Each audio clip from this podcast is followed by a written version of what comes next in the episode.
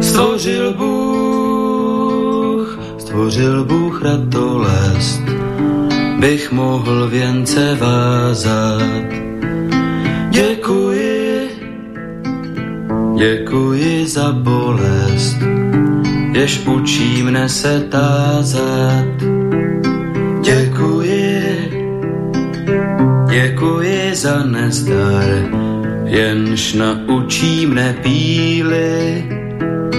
Bych mohl, bych mohl přinést dar, byť nezbývalo síly. Děkuji,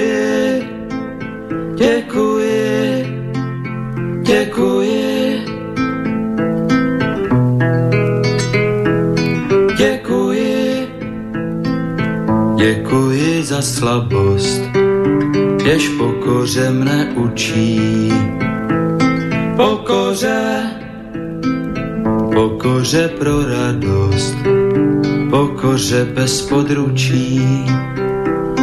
Děkuji, za slzy děkuji, ty naučí mne citu, živým již, živým již žalují a křičí po soucitu děkuji, děkuji,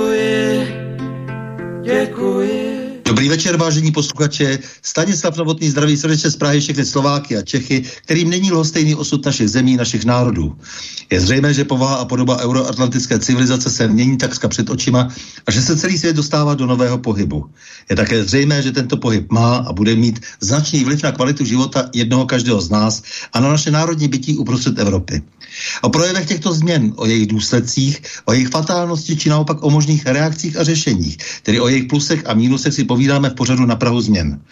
Jinými slovy, diskutujeme o zkušenostech, znalostech, názorech a činech výrazných osobností žijících v naší složité době kde si budu povídat s Pavlem Rybou a vy se, milí posluchači, můžete zapojit do debaty také, pokud pošlete svůj dotaz na adresu studiozavináčslobodnývysílač.sk nebo budete-li telefonovat na číslo 048 381 0101, což platí pro slovenské posluchače a z České republiky můžete volat na číslo 00421 483 810 101.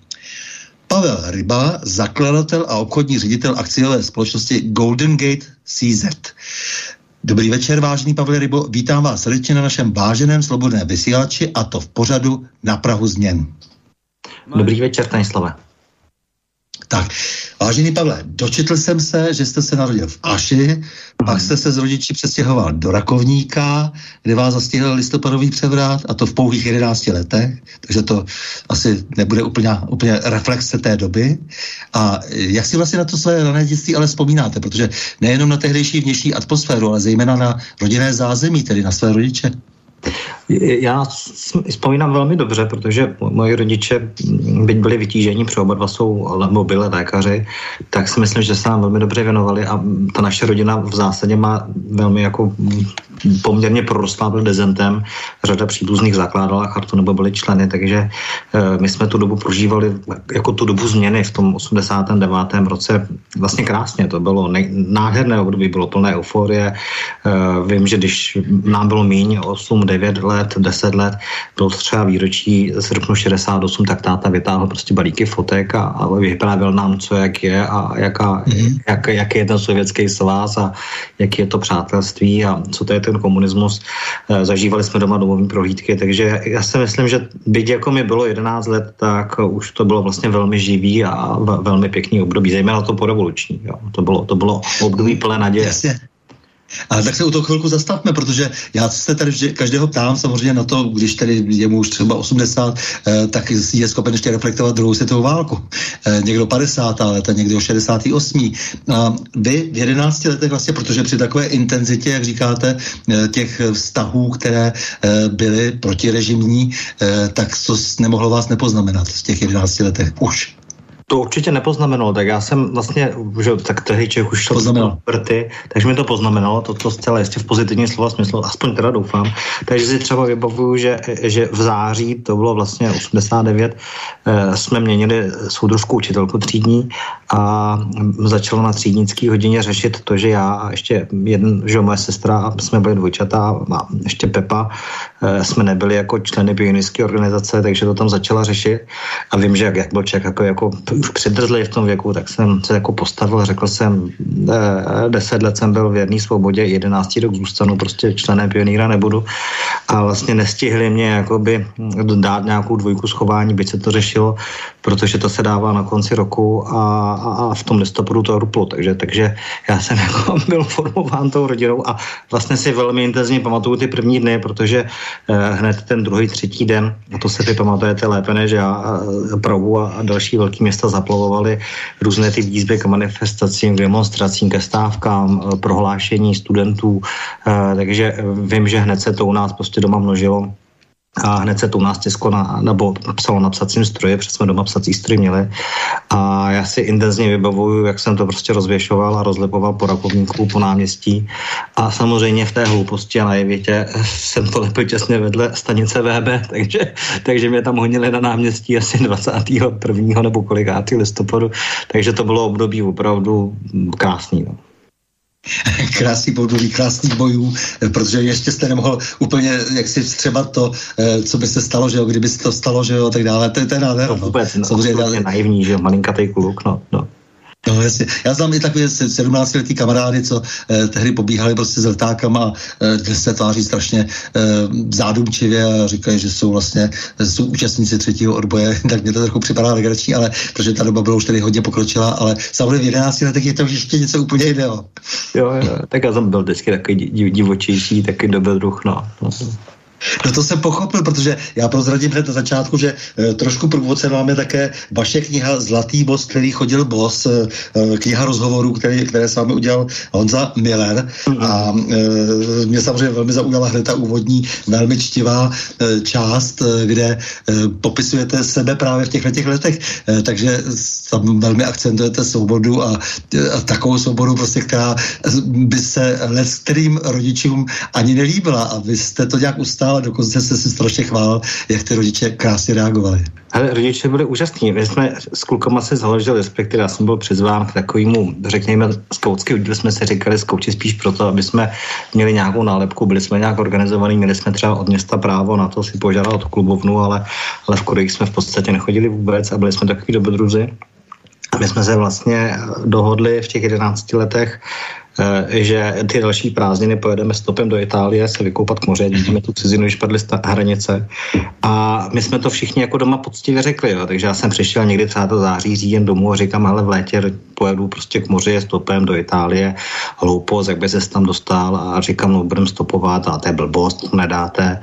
Tak jsem to ještě zopakoval, to mi bylo ještě 11, že jo, třeba jsem lednový, leden 78, tak ještě v 11 jsem to zopakoval um, o těch vánočních prázdninách, kdy rodina je spolu, máme čas jakoby víc komunikovat. A pak jsem věděl, že by mě už asi nepustili, protože by tomu mohli uvěřit, tak jsem to přestal říkat.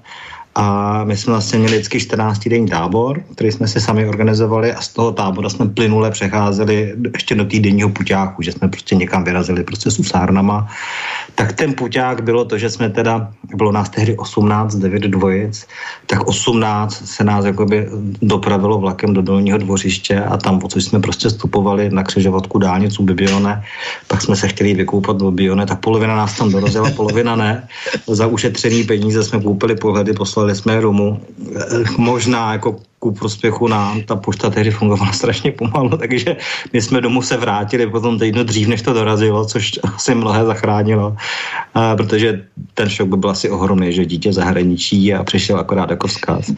A... No ne, ale jste snad jako tam nebyl nikdo ani starší 18 let, nebo jste byli všichni pod zákonem? No v podstatě ne, jenom, jenom, jenom jeden vedoucí, ale, ale my jsme byli jako by ten 12 letý a třeba 15, 16 letý, starší, mladší kluk, ale do 18 tam, na to 18 nebyl nikdo. A moji rodiče reagovali jako fantasticky, říkali, jsi hrdý, jsem, jsme na tebe hrdí, ty se v životě nestratíš, umíš se o sebe postarat. Takže to nebylo, že bych dostal nějakou čučku CRS vynadáno, ale naopak jako by uznání a, a ta samostatnost svoboda prostě asi je spojená jako s tím mým životním přístupem.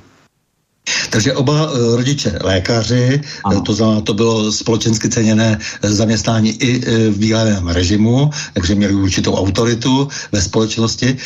I když, jak říkáte, nebo píšete v té knize, tak nejprve váš otec byl vlastně vyhoštěn do pohraničí, do té Aše, kde jste se narodil, potom jste se představil do Rakovníka a tam už jako všechno bylo nějak, jakž tak všechno ustálené. Během té normalizace jste se narodil, ano, ano. No a teď už mluvíte o tom, že se najednou něco strhlo, vy jste celou tu dobu poslouchal prostě co a jak, jako je špatně a teď najednou jste vplul do svobody, nebo do očekávané svobody, protože svoboda samozřejmě byla, ale je otázka, eh, co všechno se zatím mezi tím stalo během těch 30 let a jak to, jak to směřování vlastně, jestli bylo správné nebo nebylo. No, to myslím si, že budeme schopni zpětně hodnotit až, až třeba po nějakém odstupu. Samozřejmě ty tendence, které vidíme, e, spíš směří k tomu, že se mnoho svobod zdáváme. Ale na druhou stranu si myslím, že ještě když se koukneme na to, jak se v některých zemích ti lidé mají, tak ještě nějaké míry svobod nám zůstaly, ale určitě na tu odpověď toho, co všechno jsme si nechali vzít, co jsme po případě získali, mm. tak to budou asi historici psát třeba za dvě, tři desetiletí. Ale rozhodně to očekávání bylo ohromné a já, já vnímám to, že jsem měl ohromné štěstí na to, kde jsem se narodil, v jakém prostředí, že jsem dostal od rodičů možnost se libovolně vzdělávat, že jsem dostal možnost eh, si organizovat čas, takže to vede k odpovědnosti. Prostě tím, že byli vytíženi rodiče, protože medicína je extrémně náročná disciplína, v zásadě byli prostě relativně málo doma, tak to, co si myslím, že dneska mnoha rodičů nebo dětem chybí, že jim to rodiče odpírají, je právě ta volnost, je ta svoboda. No, my jsme prostě, ještě jsem měl víc sourozenců, tak my jsme prostě museli být dejme tomu v 8 až 10 jakoby doma, eh, nebejt nějaký zásadní průšvih ve škole, kuřátka museli být prostě v kurníku.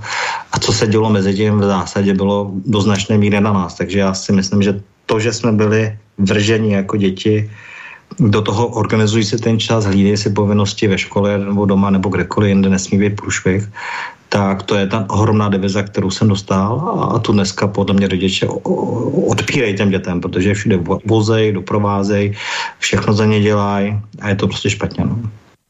Hmm, takže velkorysí rodiče a rodiče, prostě, kteří měli e, smysl pro talenty svého, e, svého dítěte, to je, to je velmi důležité určitě. E, to znamená, že věděli prostě, že právě se nestratíte. Jak už si to vyzkoušeli hned na počátku té, e, těch otevřených hranic. Ne, já se vždycky ptám právě na tu reflexi, k tomu se ještě určitě dostaneme, protože konec konců, když se budeme bavit o vašem e, řemesle, e, to, co děláte teď, tak to samozřejmě si vyžaduje velkou reflexi i té minulosti, protože tím, že jdete vlastně do těch ekonomických vztahů, vztahů, eh, tak nemůžete se nezastavit také nad tím velikým pohybem, ke kterému došlo po eh, těch všech převratech, eh, po těch převratech v roce 89 na, na celém východě a ve vztahu vlastně k západu, protože jako tak, jak já jsem se zrovna tak těšil a měl jsem radost, že se odehrálo to, co se odehrálo, byť jsem samozřejmě nevěřil v upřímnost toho všeho, protože bylo od počátku z toho koukali chlupy a bylo jasné, že to organizují vlastně vlastně ti, proti kterým byl ten převrat pamířen, že to je vlastně jejich práce. Ale nicméně to, to, ten, ten výsledek, který vlastně jako následuje po 30 letech, ten je mnohem tedy ještě horší, než jsem očekával. Takže místo, aby se rozvinulo to, co se rozvinout mělo a vylepšilo eh, to, co bylo špatně, tak eh, opravdu je mi z toho smutno docela. Tak proto se vždycky ptám, prostě, protože všichni tady se snažíme nějak reflektovat vlastně tu změnu. Mm-hmm. Jo, ta doba určitě jako by prostě se nějak vyvinula. Já si myslím, že ta očekávání byla prostě úplně jiná, než ti lidé měli. Na druhou stranu, eh, to, co je potřeba si říct, ti lidé běžní, samozřejmě nebudeme se bavit o těch elitách, kteří nějakým způsobem předávali nebo přeskupovali své pozice nebo moc a vidíme, že spousta těch, kteří byli blízko tehdejšímu režimu, jsou dneska vlastně zase hvězdama toho stávajícího režimu, měli informace, měli zdroje, měli prostě kapitál, věděli, co se bude dít, takže když vidíme, kdo tady má největší holdingy a jak, jak blízko prostě měl informacím a všemu a není to jednotlivec, že to jsou celé skupiny, tak samozřejmě jakoby tohle to Tohle to je jedna skupina, ale ta druhá, a to byly ty v úvozovkách běžní lidé, kteří prostě v těch tisících až milionech cinkali těma klíčema na náměstí. A já nejsem úplně velký idealista pro tu masu, protože si myslím, že ta masa má podle maslové pyramidy potřeb prostě svoje potřeby jako primárně dány A většina těch lidí tam nebyla, protože chtěli nějakou liberální demokracii, že chtěli prostě nějakou otevřenou ekonomiku, že chtěli nějaké velké množství svobod a odpovědností, před té odpovědnosti se báli. Taky vidíme, že řada těch lidí říká, za toho minulého režimu bylo víc jistot, že to nám dneska chybí. Ale oni se chtěli mít ekonomicky lépe. Oni prostě viděli tu propastnou životní úroveň toho centrálně plánovaného, řízeného ekonomického soukolí, že jo, pod hlavičkou nějakého komunismu a viděli to, že prostě na západ od našich hranic nebo na jejich v Rakousku prostě ta životní úroveň je absolutně jiná, nešlo prostě úplně zamezit tomu televiznímu signálu, někdo tam vycestoval, takže ta informace byla jako relativně dobře dostupná a ty lidi prostě byli motivováni tím, že se chtěli mít ekonomicky lépe.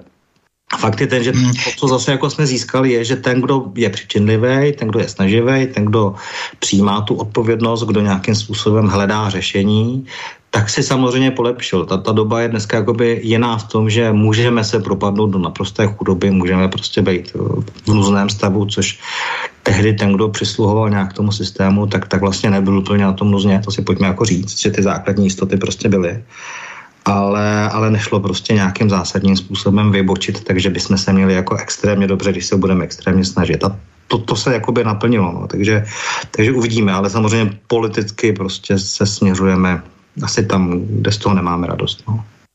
Myslím, že ekonomicky, ale ten problém je samozřejmě, že na tom počátku e, chyběla morálka a vy jste to řekl tady, že tě, ta, ta masa e, toužila e, po těch supermarketech a e, tady ti chlapci prostě, kteří vlastně to celou dobu chystali a v podstatě po dohodě západu a východu, který si potřeboval západ, který si potřeboval vyřešit spotřebitelskou krizi, e, tak nakonec se vlastně to, e, co se stalo, tak se stalo to, že vlastně ti lidé měli, kteří tedy přijímali tu moc proto, aby to bylo všechno hladce, e, aby to šlo všechno hladce, tak nakonec to byli oni prostě, kdo dostali jinou startovací čáru a to je ten problém e, té soutěže, která e, samozřejmě nakonec na ten vršek posadila lidi, kteří e, by měli moc ekonomickou za politickou a dneska už se samozřejmě dávno sápají pomoci politické. No. Ale pojďme, pojďme dál teda, protože k tomu se ještě můžeme určitě v mnoha e, vlastně i těch vašich reflexích vrátit, e, protože to samozřejmě velmi úzce souvisí s tím, co zkoumáte, tedy ekonomiku a mně to je velmi sympatické, že, že se vrhá vrháte do e, těch složitostí, kromě toho teda, že sám podnikáte, ale zároveň, že se pokoušíte objektivně i vidět, co se vlastně děje s finančním systémem, co se děje s tou naší civilizací, že zase je to především krize morální, která nás postihuje ve všech ohledech. Tak e, já bych postoupil dál a ještě bych stejně jako ten váš život, mě strašně zajímá. Vy jste se stejně e, i s tím vzdorem, s jakým jste se, nebo vlastně i s tou fintou trošku, s jakou jste se prosadil při tom cestování do Itálie, tak jste se pustil do toho svého svého dalšího života. Um, byste se dal na zahradnictví? No, já jsem vlastně vždycky, a to, to, to, to mě asi naučil táta, ta táta prostě je, je velmi renesanční člověk z hlediska jako znalostí, dovedností, rozhledu a je to velký odborník třeba na, na, na botaniku, některé sukulentní druhy, třeba euforbie, je to jeden z největších odborníků jako v republice vůbec, i ve svém věku. Takže já jsem měl velmi blízko k přírodě prostě a trávil jsem tam ohromně času, takže jsem vlastně řešil, co budu dělat, co by mě bavilo, protože Gimple znamená výška a to úplně jakoby, že by mě bavilo studovat, to prostě Byť jsem asi studijní typ z hlediska toho, že když něco chci zjistit, vědět, tak jdu do hloubky, do komplexity a nemyslím si, že bych jako neměl jako přehled nebo vzdělání, ale představa, že se budu biflovat v nějakém systému, kdy prostě plním hlavu prázdnýma informacemi s minimální jako schopností aplikovat, tak to mě prostě nenaplňovalo. To, to mě prostě děsilo, takže já jsem měl velmi rád. Přírodu zejména botaniku, taky jsem vyhrával různý biologický a botanický olympiády, takže nakonec jsem jako věděl po vzoru toho táty, který to má jako koníček, že, že bych rád dělal prostě s kytkama, tak jsem se i po vzoru staršího bratra vydal na zahradnickou školu a, a pak jsem v tom oboru několik let podnikal, kdy prostě děláte s rostlinama, děláte s přírodou krajinou tvorbu, zakládáte zahrady, realizujete, takže to bylo to, kam jsem se jakoby vydal, ale uh, postupem času prostě jsem si uvědomoval, že mě prostě víc baví uh, obchod, vyjednávání, tvorba velkých systémů, budování věcí, komplexita, tak ta komplexita v té přírodě, v těch přírodních systémech je fantastická, ale děláte ji jako velmi teoreticky, že o komplexitu třeba les, lesních hmm. systémů nebo ekosystémů různých, uh, tak to je, to je prostě téma krásný ale je to v zásadě akademické téma, nebo nemůžete v tom nějakým způsobem dosáhnout nějakého nějakého velkého projektu. Je to často závislý na nějakých dotacích nebo něčem takovém, takže to vím, že mě nebavilo a neviděl jsem v tom vlastně jakoby nějakou přidanou hodnotu. A já mám rád relativně velké výsledky, já jsem jako výsledkově orientován, takže v tom zahradnictví a v, tom, v těchto těch tvorbách jsem byl jakoby limitován. Dělat vel, velkou zahraničskou firmu znamená státní zakázky, městské zakázky, už jste jakoby někde prostě na těch hradnicích, už musí někde cinkat nějaké obálky, už je to takový prostě jakoby, co, co jasně, prostě, jsem věděl, že nechci, jo, v žádném případě.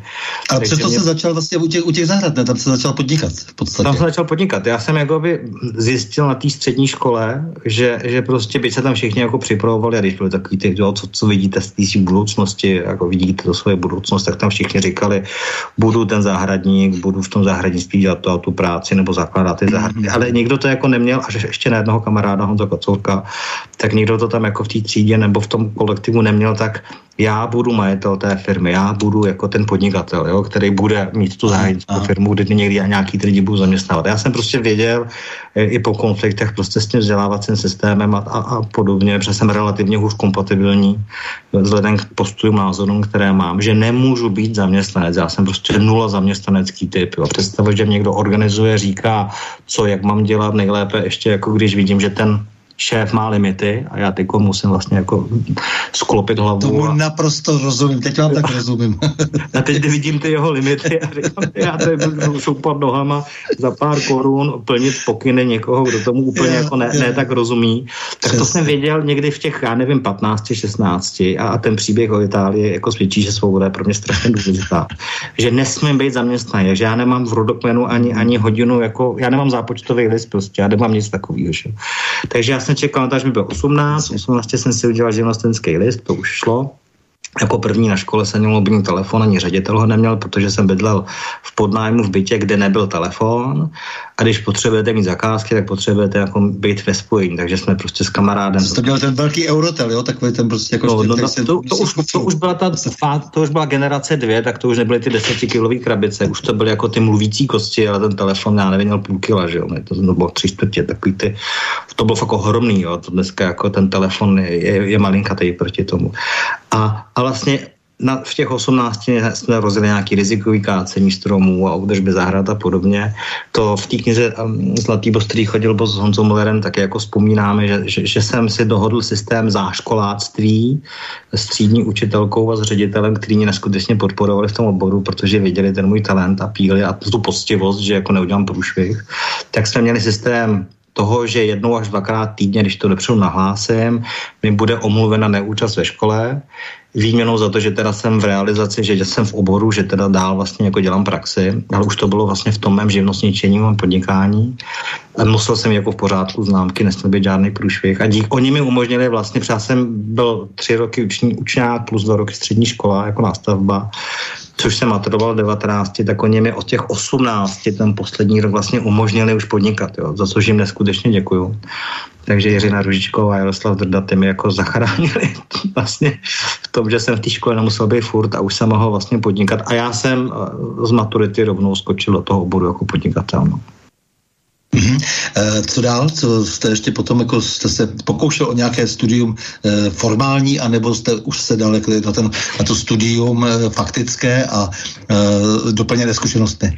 Lehonce jsem jako uvažoval o tom akademickém vzdělání a to proto, že já jsem chtěl být pedagog. Mě prostě baví vzdělávat druhé, protože ono, když jakoby druhým máte něco vysvětlovat, máte je pro tu věc zapálit, máte je natchnout, tak to není, že budete papouškovat nějaké informace z nějakých encyklopedií nebo učebnicí, ale eh, vy byste prostě měl tím oborem nebo tím tématem žít, měl byste mu extrémně rozumět a já se, snažím komplexně rozumět tomu, v čem dělám a baví mě jakoby to předávat dál. A když předáváte ty informace dál, tak stejná věc je v jiné rovině a, a v rovině toho pedagoga nebo toho lektora, eh, jdete do mnohem větší hloubky souvislostí a zároveň musíte zjednodušovat, protože to předáváte někomu, kdo nemá takové pemzum obl- vědomostí jako vy. Takže to mě lákalo, ale samozřejmě ten ředitel říkal, hele, aby si mohl učit prostě odborný předměty, tak potřebuješ mít prostě minimálně vysokoškolský vzdělání, e, takže prostě to si dobře jako promysli. A já jsem jako, když jsem viděl, co bych se musel jako papouškovat učit, tak jsem to odmítl. A že to na těch miskách bylo, budu dalších několik let závislej na nějakém nuzném příjmu a chodit na vejšku, anebo budu ekonomicky aktivní v tom oboru, který mě baví, v kterém chci mít a budu jako vlastně z toho profitovat, takže jsem velmi rychle jako vyhodnotil, že tu školu fakt ne a, a v tom oboru jsem prostě pádec zůstal. Potom ten obor byl malý, takže jsem potom zkoušel podnikat eh, v oboru stavebnictví, klimatizace, chladírenství a tam jsem vlastně utrpěl v roce 2008 vlastně velkou ztrátu, druhotná platební neschopnost, nezahedžovaný skladový zásoby v té hypoteční nemovitostní krizi, to stavebnictví se propadlo extrémním způsobem. A tam jsem vlastně krak, jakoby krachnul, tam jsem několika milionový úvěr měl, který prostě jsem nedokázal jakoby řádně splácet, to, to, podnikání šlo prostě v tý, díky té druhotní platební neschopnosti do, do pryč. A to byl impuls, který mě vedl k tomu, že jsem začal zkoumat zkoumat, proč té krizi došlo, jestli jí šlo zabránit nebo nešlo, šlo jí předpovědět, nešlo, jaké byly její příčiny, jak z té krize ven, a e, tam jsem se jako začal zabývat dopodrobna ekonomikou. Ekonomika není jenom jako ekonomika, musíte znát historii, takže historii a samozřejmě ekonomika, ekonomický principy, ekonomické vazby jsou velmi úzce spjatý s peněžním systémem. Jo? Ono je, je, krátko zraký zkoumat nějaký obor ekonomie, velmi třeba jako, já nevím, že je mnoho podoborů ekonomických odděleně od toho nadsystému, což je peněžní systém. Takže jsem se dostal k centrálnímu bankovnictví, ke klasickým ekonomům, hodně mě oslovila rakouská ekonomická škola a, a e, chtěl jsem jako proskoumat, proč k té krizi došlo, kde jsem udělal chybu, že jsem zařval a jak z toho ven. A přes ty rakouské ekonomické školy přes ty rakouské ekonomie, vůbec přes klasický ekonomický díla jsem se dopracoval k tomu, že jednak krize eh, šla předpovědět, že bylo jasné, že k ní dojde, protože byla způsobená vlastně dlouhodobě nízkými úrokovými sazbami, nadprodukcí peněz, eh, velkým objemem dluhů v ekonomice, všichni jeli na těch steroidech toho centrálního bankovnictví, eh, nafoukly se bubliny nejenom, nejenom v těch nemovitostech a hypotékách, ale i jinde na trzích a, a logicky to potom splasklo. A je zajímavé, že byť to jako nikdo v úvozovkách moc nahlas neříkal, tak ty rakouští ekonomové na to upozorňovali tři, čtyři roky před tou krizí, že k tomu prostě dojít musí.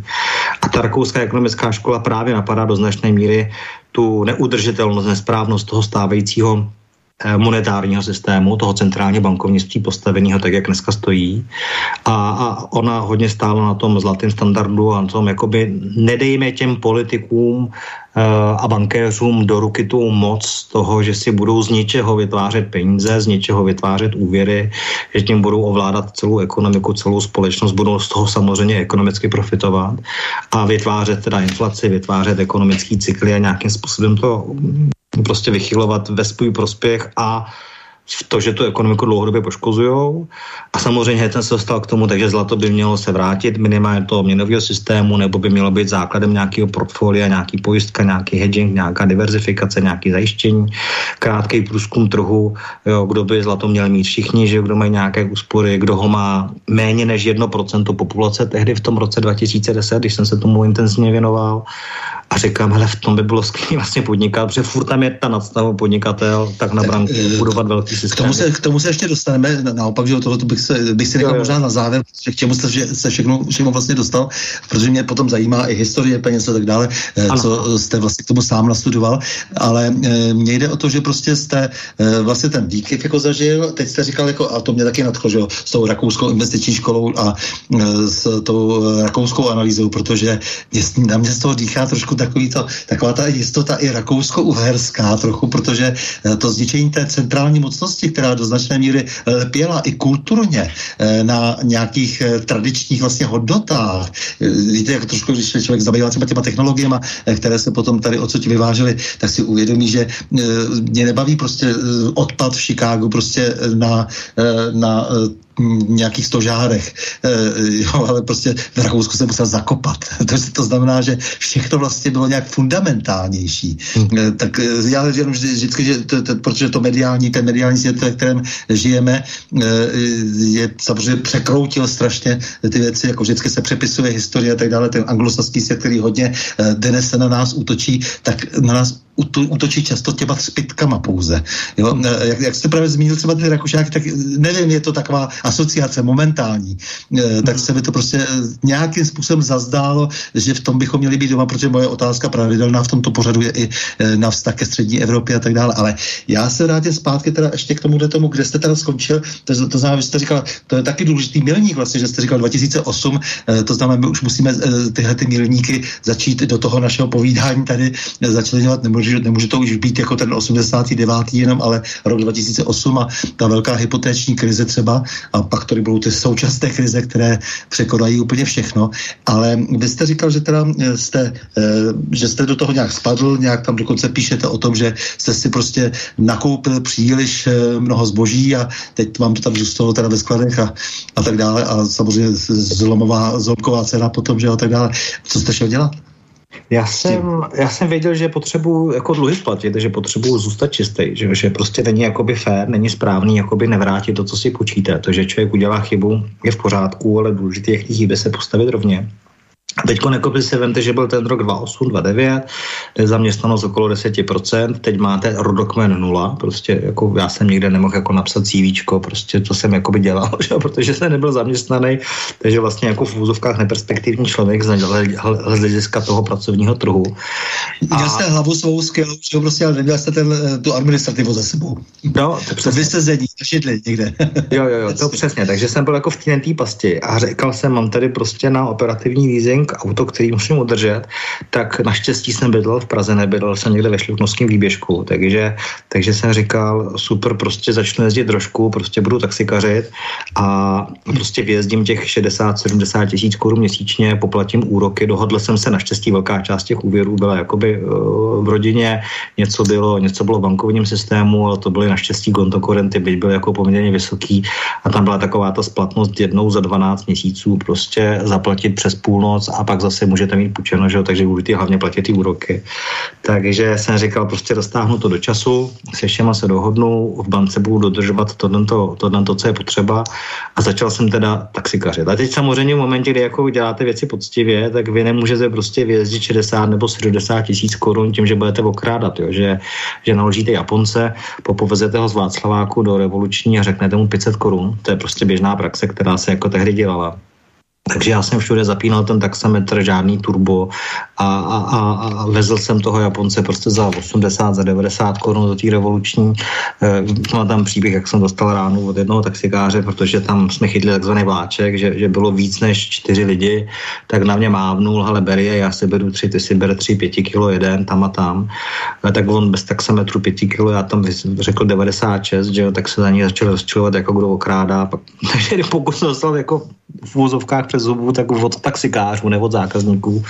Takže to bylo velmi, velmi náročné vyjezdit ty peníze a znamenalo to jedinou věc, že jsem typický měsíc vypadal takže jsem jezdil 29 dní měsíce a průměrně 14 hodin denně.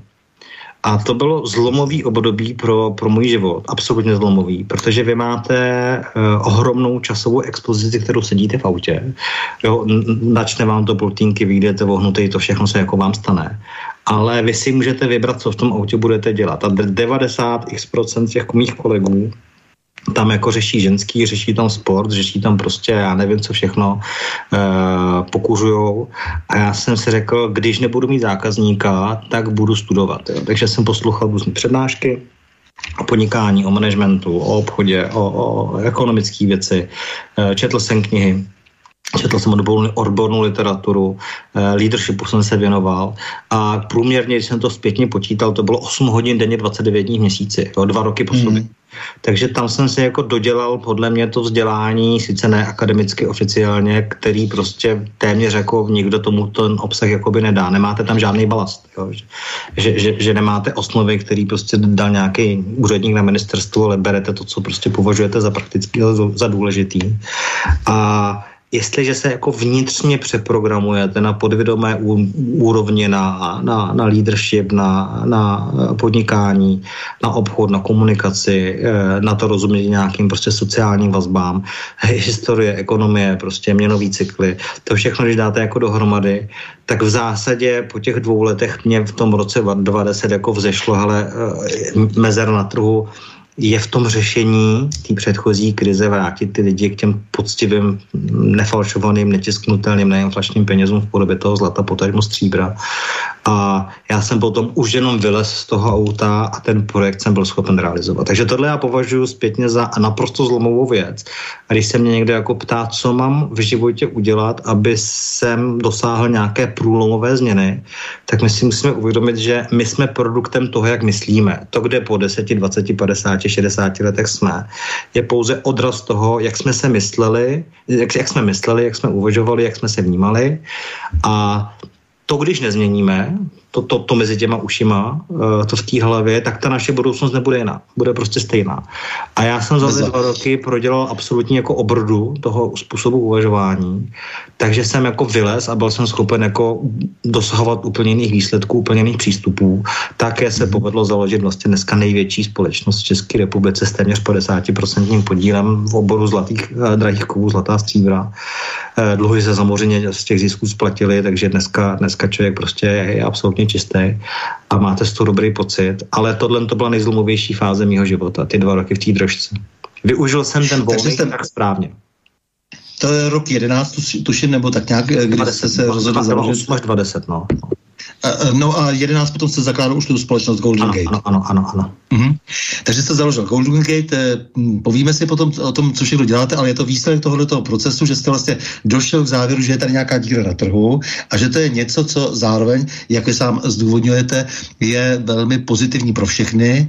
Z toho také myslím, že, jestli to správně chápu, je vaše i poměrně ostrá kritika finančního systému, řekl bych celosvětového, proto o tom jsem chtěl mluvit a taky jsem to dal vlastně do té upoutávky, eh, protože si myslím, že se musíme bavit o tom, jak funguje i celá naše civilizace, proto jsem chtěl i tu umáčku, jestli bychom se mohli vrátit v té současné civilizační krizi, jak ji vidíte, než se vlastně dostaneme k tomu, co jste všechno chtěl vlastně sdělit i skrz tu společnost, protože jedna věc je podnikat a jak říkáte, že jste soutěživý typ a vítězit a, a dosáhnout nějakého velkého výsledku. A druhá věc je, že e, zdůrazňujete pořád, že myslíte i na ty lidi, e, to znamená, že vám jde, já doufám, že jsem to pochopil správně, primárně o vztahy mezi lidmi a že jde o to, aby společnost fungovala.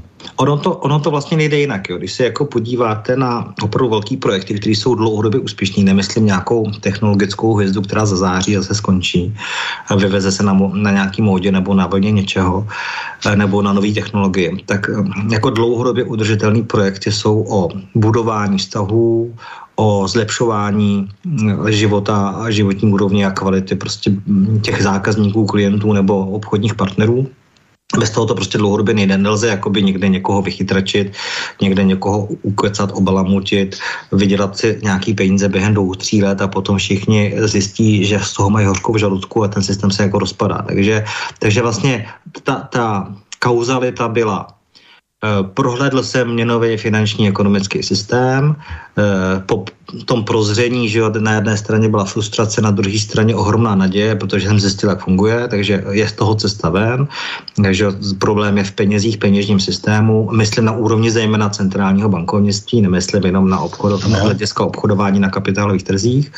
Eh, ty principy prostě toho vraťme se jak poctivým penězům, vezměme těm politikům, bankéřům tu moc vytvářet peníze peníze, ovládat úvěry nebo je nějakým způsobem limitujeme, nebo alespoň na osobní úrovni jim v tom nedávejme takovou příležitost.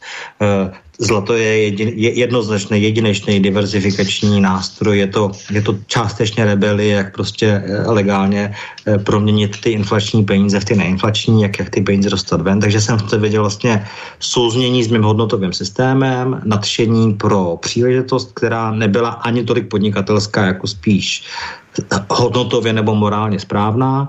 Ten průzkum trhu, že každý inteligentní ekonom vám řekne, jo, 5 až 10, 5 až 20 ve zlatě prostě je správný mít, pak mějte akcie, dluhopisy, že mějte nemovitosti, mějte prostě e, nějaký jiný aktiva to vám řekne každý ekonom, ale, ale v tom roce 2010 opravdu do půl procenta populace vlastnila nějaký investiční zlato. Jo. Takže jsem říkal, jako všichni by ho měli mít, všem to zkvalitní život, všem to pomůže, všechny to učiní odolnější vůči budoucí krizi, budoucí inflaci, úpadku státu, eh, krachu penzijního systému nebo čemkoliv. A teď jsem viděl vlastně to propojení té ohromný přidaný hodnoty pro toho potenciálního klienta nebo držitele těch kovů, který je ještě nemá, musí si někde koupit s tím obchodním modelem. Takže jakoby na prvním místě je prostě přidaná hodnota, služba, morálka, vize a ty věci spojené jakoby s, tě, s tím, pro co můžete zahořet, protože vy, pokud jste ekonomicky mm, jakoby uspokojen, tak vy nedokážete dlouhodobě hořet pro vyšší zisky. Ten, ten motiv jo. jako zanikne. Ale když ten motiv, ať jste ekonomicky sebe víc uh, saturován, je v nějaké přidané hodnotě vizi, zápalu, projektu, uh, službě, tak tehdy se nezastavíte v tom projektu, když budete mít 50-100 milionů korun vyděláno. Jdete prostě dál, Myslím, že to neděláte pro peníze, že jo? Ano, myslím, že to hodně vidět na takových těch světových zločincích, kteří eh, vždycky chtějí být považováni za filantropy. To znamená, nejprve okradou všechny a potom eh, přece jenom by rádi, aby tak trošku se na ně polížilo jinak, jako, mm, než jako zná lidi, za kterými jsou hekatomby mrtvých a, a eh, strašlivá svinstva, která způsobily třeba místním ekonomikám a podobně. Já se zeptám, jak, ale globálně třeba... třeba příklad je Tomáš Baťa z našeho prostředí, že jo? jo? Toho no, jasně, jako nehnal motiv ano. finanční a vidíme, co po něm zůstalo a vlastně ani to všechno no, nedokázal bolševik jako zašlapat, že jo? Ano, byla to samozřejmě jiná historie postavená na jiném fundamentu úplně, než ano. právě ty rychlokošky, které tady eh, se objevily po tom roce 89 u nás. Ale eh, současná, ta, ta současná civilizační krize, teda po hříchu eh, euroamerické civilizace, ale nejenom euroamerické civilizace, protože ta euroamerická civilizace do značné míry ovládla velkou část světa, což dneska končí, že nebo už to dlouhodobě, dlouho to končí a teď je to stále více vidět, ty různé projevy toho, v čem jako vy vidíte vidíte jako tu, tu, tu, tu krizi, kdybych to teď chtěl trošku pojmenovat společenskou jedně, než se dostaneme potom na, na to. Já jsem už přemýšlel, jak vlastně se spolu budeme bavit, tak jsem si říkal, že trošku si vezmu e, takové to, že bychom mohli probrat ten váš slovník, jako potom, e, který uvádíte v, tom, v těch cyklech bohatství, které, které máte popsané v, tom, v té knize rozhovorů vaši, ale ještě předtím, že by bylo dobré, kdybychom si řekli, v čem vidíte vlastně ten, ten problém té viditelné krize, to znamená jejíž výsledkem když to vezmeme tak demonstrativně, například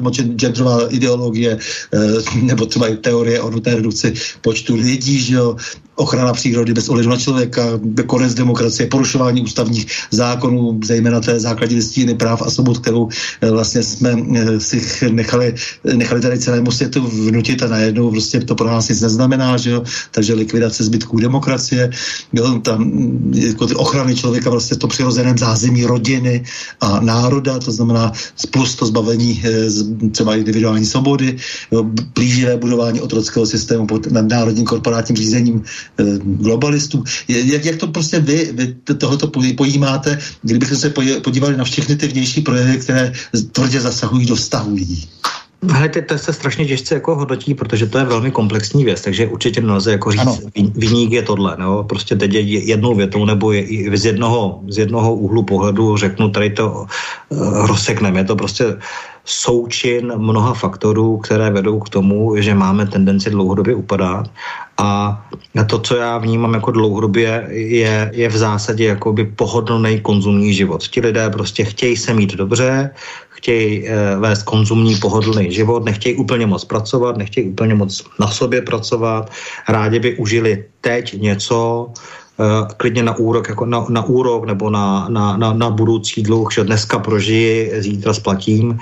A, a tomu samozřejmě prostě se dá uspůsobit jakoby ten systém politický, že vidíme, že prostě populisti vyhrávají volby téměř všude, uh, když se podíváme Eh, poslední, kdo vyhrál volby nějak jako zásadním způsobem, kdo řekl těm voličům pravdu, ale musíme si utáhnout opasky, budeme se mít hůře, eh, musíme prostě nějakým způsobem se vybrat z toho, že jsme tady 40 let prostě e, špatně hospodařili a, a ztratili jsme konkurenceschopnost, tak to byly v zásadě ty vlády z 90. let, byť nesouhlasím s tím, že, že nějaký státní majetek skončil v rukou někoho.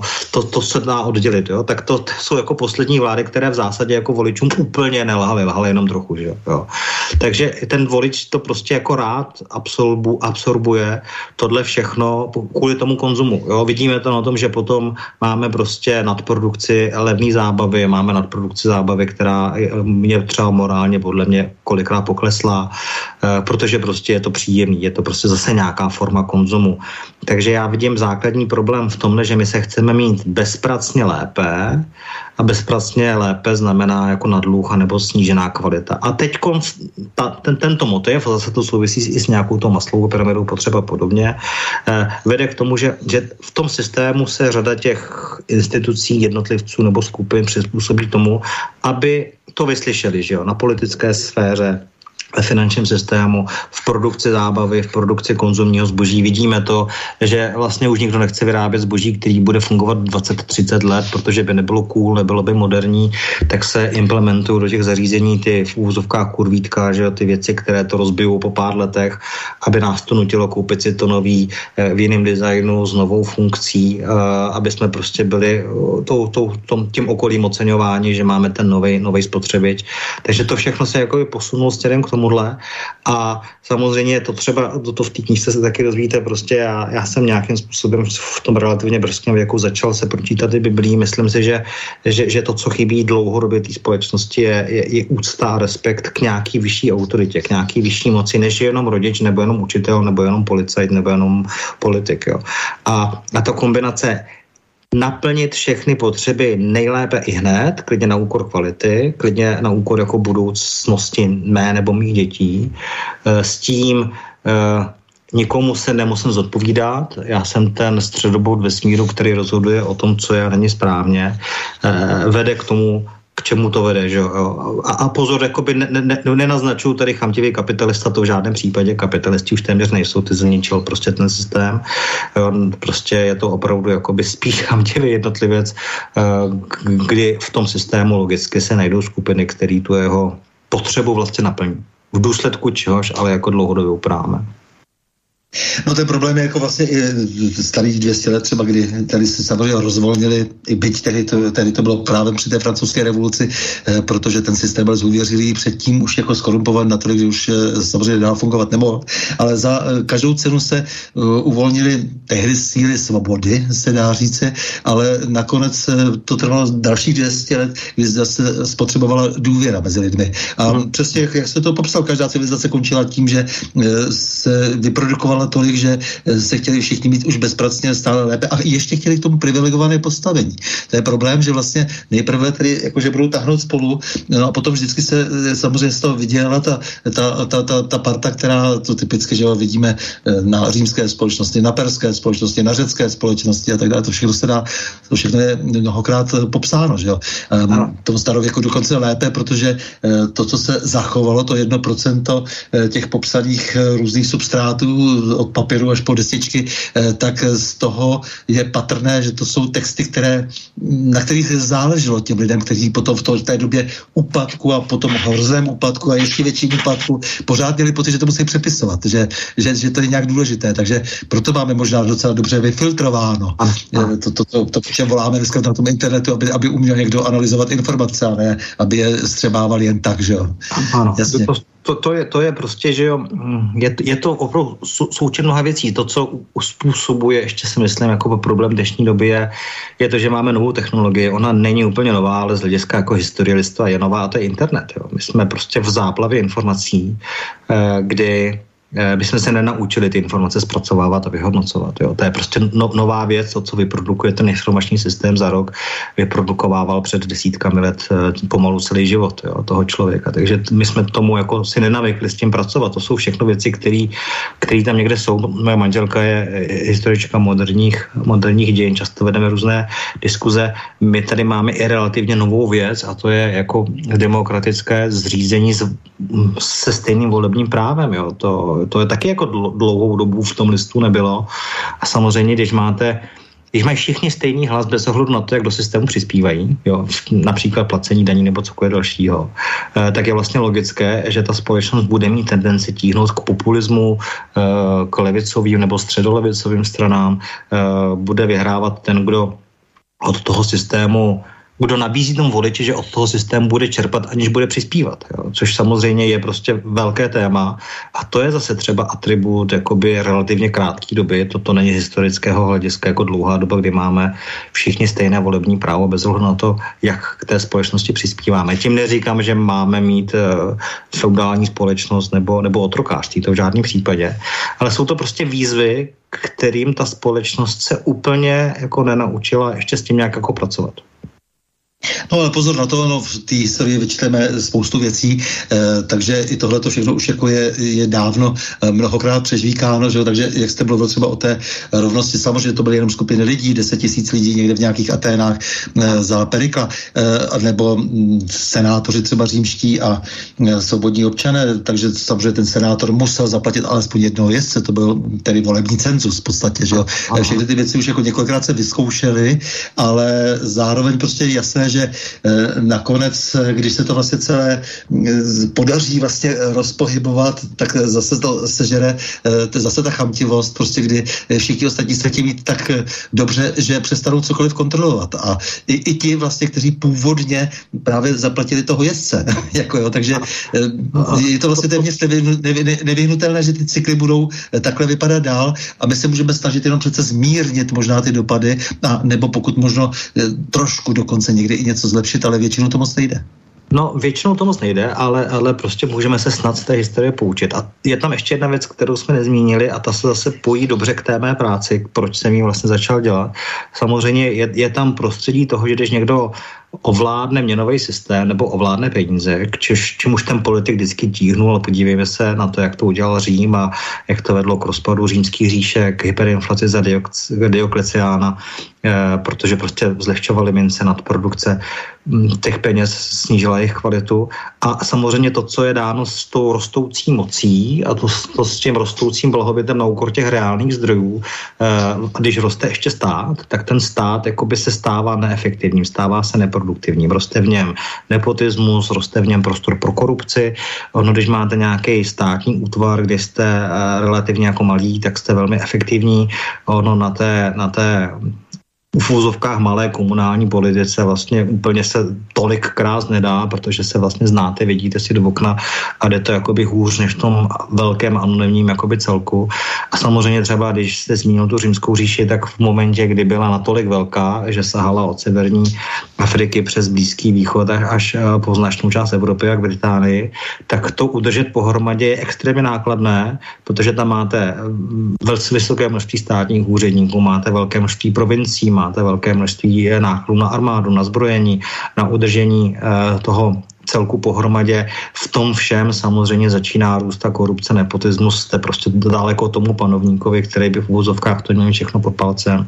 A to, když je drahé, no tak začnete prostě, vyčerpáte reálné zdroje, jo, energetické, finanční, komoditní, tak začnete prostě podvádět s tím, že začnete množit peníze, abyste ty úředníky nebo vojáky za, zaplatil, čímž nastartujete inflaci a uspíšíte kolaps toho systému. A vidíte na tom Římu, že se jakoby vydal, pak se rozdělil na západní zimskou říši a tu východní, eh, byzantskou. A ta západní si procházela dál krizem a dál nějakýma inflačními epizodama, dál vlastně jako relativně nestabilním měnovým systémem. A ta východní říše římská se vrátila ke zlatému standardu, Pamatujeme třeba na ty zlatý solidy. A ještě několik staletí poté, díky tomu velmi poctivému měnovému systému, kdy nepodváděla s tou měnou, si dokázala udržet poměrně jako významné postavení.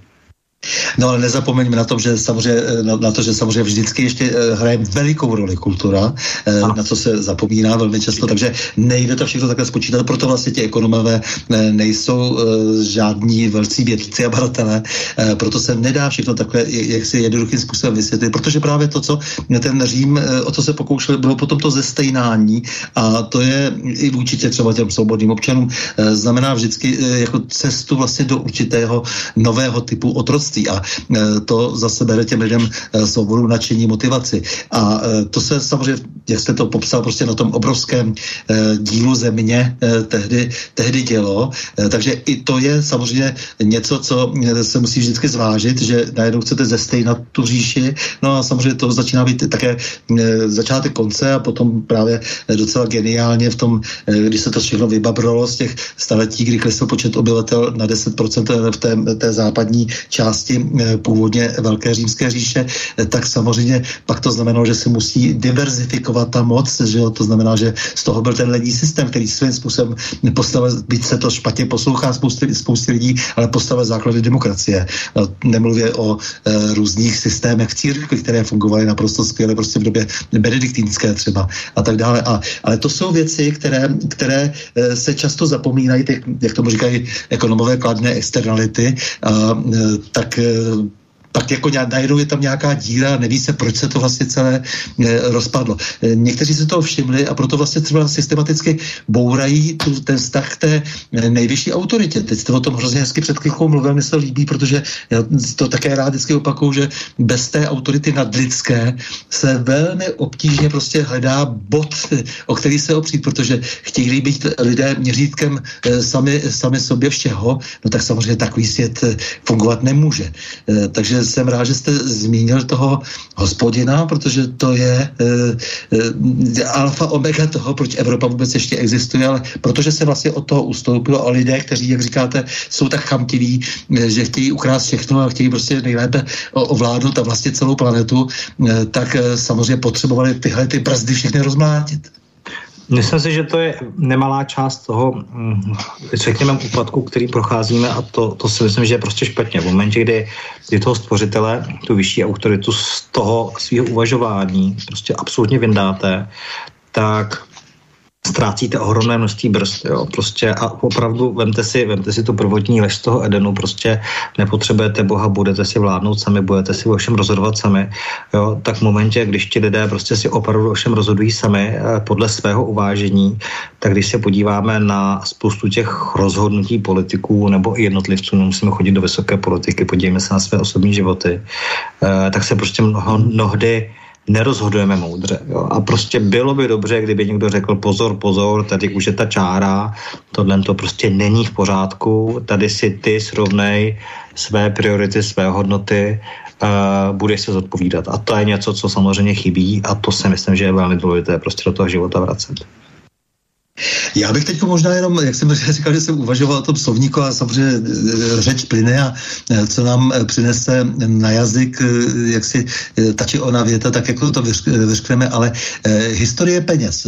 Jenom ve velké krátkosti, třeba ve třech minutách, mohl byste trošku popsat to, jak se vlastně, jak se ukrajovalo vlastně centrálně z toho bohatství společnosti, které vyjadřujete vlastně tím zlatým standardem, jak se už jako od doby prostě vynálezu papírových peněz eh, na konci 18. století. Co se s tím vše, co se všechno potom vlastně s těma papírama zvláštníma dělo, že tam je několik zastávek, které se dají tam, eh, jako, jako jsou třeba 70. let ve Spojených státech, že jo, pak, jsou to, jo, jo, jo. pak je to samozřejmě velká hospodářská krize a, ta, a tak dále, že jo, pak jsou to teda ta 40. léta, pak je to ten rok 72. A ta, jestli, jestli byste to jenom v krátkosti mohli tohle já, já to určitě schrnu.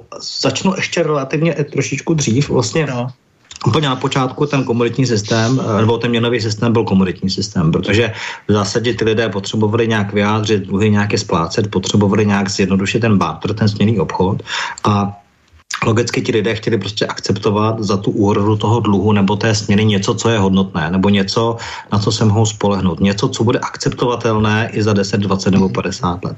Takže samozřejmě, kdyby přišel nějaký kmenový budce nebo panovník a řekl, tady jsou nějaké papírky nebo nějaký obecný kov, kterého je v přírodě v úzovkách neomezeně, já vám z toho tady vyrazuji nebo namaluju nějaké obrázky a to budeme jako používat jako to platidlo, tak by mu na to nikdo neskočil, protože by prostě se báli toho, že zneužije toho práva a za rok toho bude dvakrát víc a za deset let stokrát víc a prostě neudrží ten úvěr, který byl splatný, eh, nebo to zboží, které třeba nespotřebujete hned, máte ho jako investici nebo ho odkládáte jeho spotřebu na později, zasejete, jindy sklidíte, tak neudrží tu kupní sílu, tu hodnotu. Takže ten svobodný systém, jo, zejména v těch menších decentralizovaných společnostech, eh, vybral prostě ty peníze za komoditní, relativně brzo a téměř výlučně, byť na začátku to tak nebylo, se to ustávalo na zlatě a na stříbře, protože ty kovy jsou prostě chemicky specifický, v přírodě vzácný, snadno získatelný, vidět jich jako omezeně. Když se podíváte na periodickou tabulku prvků, tak v zásadě prostě téměř nic jiného než zlato a stříbro být vybráno jako nemohlo a fungovalo to takhle vlastně velmi dobře. Problém je ten, že to samozřejmě je velmi limitující pro elity, protože v momentě, kdy máte ty komoditní peníze, prostě peníze rovná se zlato, a když nemáte víc zlata, nemůžete vyrazit víc, oby, víc oběživa, potažmo stříbro, nemáte víc stříbra, nemáte víc oběživa, tak vás to limituje. Jednak to limituje toho soukromého bankéře, že nemůže půjčovat na úrok něco, co nemá. Přes systém částečných rezerv vzniká až centrální bankovnictví, to vysvětlím za chvíli. Takže ten bankéř soukromý byl limitován tím, že on, on mohl půjčovat pouze reálné peníze, které nemohl uměle vytvářet. Dneska, když jdete do banky, vezmete si úvěr, tak ty peníze před podepsáním úvěrové smlouvy neexistovaly. Jo, vy si vezmete úvěr, ta banka je vytvoří, komerční, nikoli centrální, ty peníze vzniknou, vy se to koupíte barák, koupíte si auto nebo prostě spotřebitelským úvěrem si něco zaplatíte. A druhý, koho to limitovalo, byli samozřejmě politici, protože politici rádi vedou války a to je prostě drahá legrace a rádi slibují prostě voličům anebo nějakým eh, tehdy ne úplně té spodině, přes spodina to, eh, to volební právo neměla, ale těm měšťanům nebo někomu, kdo to volební právo měl, tak, tak samozřejmě jim se jestli je potřeba naklánět na svoji stranu a bylo by jako dobré jim umět jako dát něco, na co nemáme. Takže tyhle ty dva subjekty, eh, soukromí bankéři komerční a politici, byli limitováni tím komoditním standardem. Neměli jsme přebytek zahraničního obchodu, nebyli jsme efektivní, nebyli jsme produktivní, nebyli jsme inovativní, nemáme víc peněz v rozpočtu, nemůžeme si teda koupit toho voliče a nebo teda nějakým způsobem profitovat na tom část systému částečných rezerv. Takže vznikají vlastně, a už ne v tom 18. století, ale podstatně dřív, ty pokusy o vznik nějakého centrálního bankovnictví nebo něčeho podobného. Jo, tak v roce 1656 to byl ten ve Švédsku tam v úzovkách první taková polocentrální banka, Pamstruchová banka. E, po šesti letech se zhroutila, on skončil ve vězení, zemřel, kdy vlastně On vytvářel peníze, které byly papírové, byly to fiat peníze, kdy nebyly kryty fyzickým stříbrem nebo fyzickým zlatem. Samozřejmě eh, bohatnul na tom, nabopnal úvěr, vytvořil nějaké nerovnováhy v té ekonomice, vytvořil inflaci, pak se zjistilo, že pan Struh je nahatý, že prostě ve skladu nebo v trezorech nedokáže krýt zlatem a stříbrem ty papírové peníze, které vydal, byl ran na banku, padnul. Zavřeli ho, nakonec trest smrti změnili na životí a ve vězení zemřel. Jo, v roce 1696 vzniká první moderní centrální banka Bank of England, kdy ten motiv byl jednoznačný. Prostě britská nebo anglická, anglický dvůr nebo královna vedla, vedla válku a potřebovala si půjčit tisíc, milion dvěstě tisíc liber. A nebylo je kde půjčit v soukromém sektoru, tak založila centrální banku, která ten úvěr poskytla. Samozřejmě nebyl ve zlatě, nebyl ve stříbře. Tehdy byl měnový systém v Británii nebo v Anglii na stříbře postavený. Po šesti eh, nebo po pěti letech to padlo. A od té insolvence zachránili tu, tu centrální banku tím, že výnosem vlastně zrušili právo těch, kdo měli ten papír, že mají právo ho směnit jakoby ve stříbře. A výměnou za to je zajímavý, že téměř 100 let poté Eh, poskytovala tato instituce úvěry pouze eh, tomu eh, královskému dvoru. John Law ve Francii z Ludvíka 15. klasický, klasický příklad s hyperinflací. Takže to jsou všechno ty první vlaštovky, které tam byly. No, to, to, to byla ta dohoda vlastně Rothschildovců, že vlastně tehdy prostě s tím, že a taky to do, do dneška tak je, že, že oni ovládají Bank of England, ale, ale bylo to prostě dáno tím, že, tak. že samozřejmě měli tuhle tu ambici. Jako udělat tu centrální banku, podvést toho občana, ano. podvést toho člověka tím, že teda nebudou ty peníze ze zlata, ze stříbra, že si jich vytvoříme libovolné množství, začneme manipulovat s úvěrem.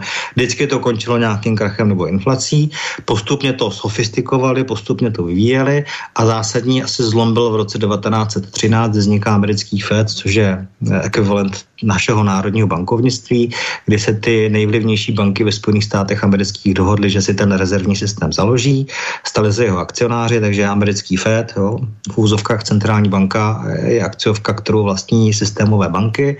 A a byť to bylo v rozporu s ústavou, tak tam prostě eh, dali ten systém toho, že teda peníze e, nějakým způsobem budou oni kontrolovat. Tehdy fungoval ještě klasický zlatý standard, kdy opravdu 20 dolarů rovnalo se zlato, zlatá mince 20 dolarovka byla ekvivalentem toho papírového, papírového systému, ale skončilo to záhy s tou první světovou válkou. Mezi světovými válkami už to byl systém zlaté devizy, kde to byl částečně dluhový, částečně úvěrový systém, kdy se k tomu teda vrátili, že teda uh, bude tam krytí tím 20 dolarama papírovejma za tu zlatou minci, ale pozor, můžeme tam už do toho vnést ten systém částečního bankovnictví, takže v tom komerčním bankovnictví vzniká nějaká nadstavba derivát těch úvěrů, které nebyly kryty zlatem. Uh, samozřejmě ta uvolněná měnová politika, velké množství úvěrů vedly k nadprodukci peněz, přehrátí různých investičních bublin bublin, což eh, vrchol koncem 20. let tím vytvořením té bubliny investiční na akcích, pak ta investiční bublina praská, k tomu zpomalovala ekonomika, došlo k té velké hospodářské krizi, k tomu, že akcie padly téměř 90%, eh, ohromná nezaměstnanost, ohromné krachy firem a v průběhu tohohle dochází k devalvaci toho amerického dolaru v roce 1933 eh, z 20 dolarů na 35. Předtím vyvlastnili zlato, takže američané byli povinni odevzdat ty zlaté peníze, ty zlaté mince, za což dostali ty ano, to je, a pak jim to devalovali těch 70%, takže to byla taková velká institucionální krádež, která v té Americe proběhla. Ano, ano. A ukončil tento systém ten 40. Pa, eh, pardon, 39. rok pro puchnutí druhé světové války. V tom se veškeré vazby dolarů, libry, marky na zlato samozřejmě zrušily, protože bylo potřeba zbrojit, bylo potřeba financovat. A po druhé světové válce vzniká tzv. Bretton systém, uzákonil se v roce 44, v roce 45 začal platit a bylo to vlastně vnucení těch Spojených států amerických toho celosvětového systému eh, finančního měnovému dolarovému standardu, v kterém dneska nějak jako historicky dojíždíme, tomu celému světu. Oni ti američané eh, to jako na tuto moc měli, protože oni využili toho, že na jejich území se nebojovalo, oni nebyli úplně přímo zataženi do války, takže by byly bombardovány americká města a oni naschromáždili ohromné množství měnového zlata a stříbra ve druhé světové válce, protože oni dodávali zbraně zbraně, dodávali komunity, dodávali zdroje spojencům a nenechali si platit papírovými penězma. To nebyli naivní, že jo? Od Britů nechtěli britskou libru, protože kdyby Hitler vyhrál, tak by to byla bezcená měna, kterou by měli. Takže oni si nechali velmi natvrdo platit pouze zlatem a stříbrem a z té pozice té světové mocnosti, která měla gigantické zlaté a stříbrné zásoby, v tomu světu řekli,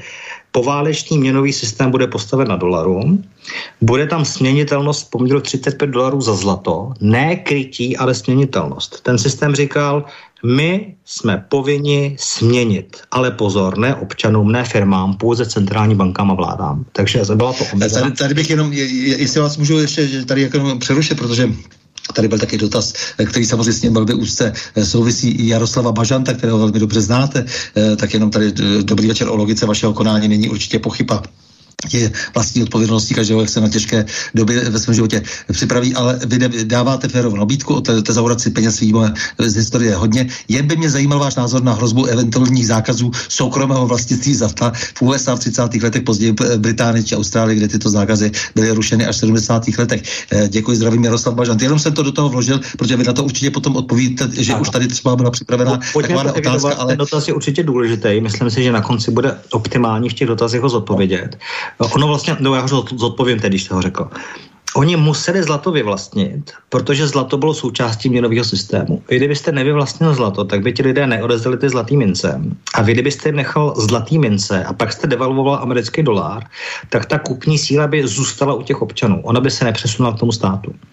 Takže tehdy museli vlastně vyvlastňovat zlato, protože potřebovali stáhnout zlaté oběživo od všech občanů, aby mohli provést tu měnovou reformu. Dneska si myslím, že důvod pro uh, konfiskaci zlata nebo vyvlastnění je limitně blízký nule, protože ti lidé v podstatě nevlastní žádné zlato. Máme absolutní minimum jako populace vlastní nějaké zlato, vlastníme nemovitosti, vlastníme cené papíry, vlastníme dluhopisy. Jestli bude chtít vláda vyvlastňovat, tak zavede daň na nemovitosti nebo jakoukoliv jinou věc, která je v registru. Zlato je anonymní, mimo systém, nedá se moc dohledat, kdo ho vlastní, takže tam určitě vyvlastňování nebude, ale z toho hysterického kontextu nebo nějakým způsobem toho, toho prostředí je jasné, že tehdy museli, protože všichni měli zlato. Protože měli ty bankovky, pardon, mince. My když dneska máme kováky, tak jsou z nějakého niklu nebo obecního kovu. Oni je měli opravdu ze zlata. Že? Takže je bylo potřeba vyvlastnit. Jo? Takže tolik k tomu dotazu pana Bažanta. A teď se vrátím teda k tomu bretonovskému systému. Takže byla to směnitelnost, takže ne krytí. Ten systém vlastně umožňoval těm Američanům vytvořit libovolné množství dolarů, jenom těm centrálním cizím bankám v případě potřeby byly povinni směňovat. A teď hmm. on ten systém jako relativně dobře fungoval, všechny měny byly navázány pevně na dolar a přes ten dolar teda částečně kryty tím zlatem, nebo směnitelné tím zlatem. Ale samozřejmě američané vedli studenou válku se Sovětským svazem, mohutně zbrojili, nepovedla se jim válka ve Větnamu. A v druhé polovině 60. let přišli o víc než polovinu zlatých státních rezerv, protože ty banky začaly směňovat. A v létě 71 Eh, chtěli Brito a Francouzi směnit veškeré měnové, eh, měnové zásoby v dolaru za zlato. A to, kdyby eh, američané dovolili, tak by vlastně během toho léta, bylo to v létě, v srpnu, 71, tak by přišli o veškeré zlato, o veškerou vlastně moc v tom finančním systému. Takže tehdy Nixon prostě v tom slavném projevu říká, dnes se to zlaté okénko zavřelo, jo, ode dneška není směnitelný dolar za, za zlato. Tehdy končí vlastně podstata toho Bretton systému, také začala ohromná inflace v 70. letech, začaly ropné šoky. Ropné šoky neměly politické pozadí toho, které se dává běžně v těch encyklopediích, když se to kouknete na Wikipedii, že někde nějaká krize, jo, nějaká jako konflikt konflikt na Blízkém východě v důsledku čehož eh, blokace dodávek. Ten, ten, ten, eh, to byla to pouze nálepka toho, toho důvodu. Eh, bylo to velmi prozaické. Prostě dokud mohli Saudové nebo Arabové směňovat z ropu za zlato, tak akceptovali nízkou cenu ropy v momentě, kdy jim někdo řekl, už nevyměníte za zlato tu ropu, pouze za zelené papírky, tak chtěli prostě víc zelených papírků za ten barel ropy. Jo, takže, takže ta paralela s dnešní dobou, prostě energetická krize, prudký růst cen energetických komodit, to v těch 70. letech po rozpadu Brettonwoodského systému prošlo.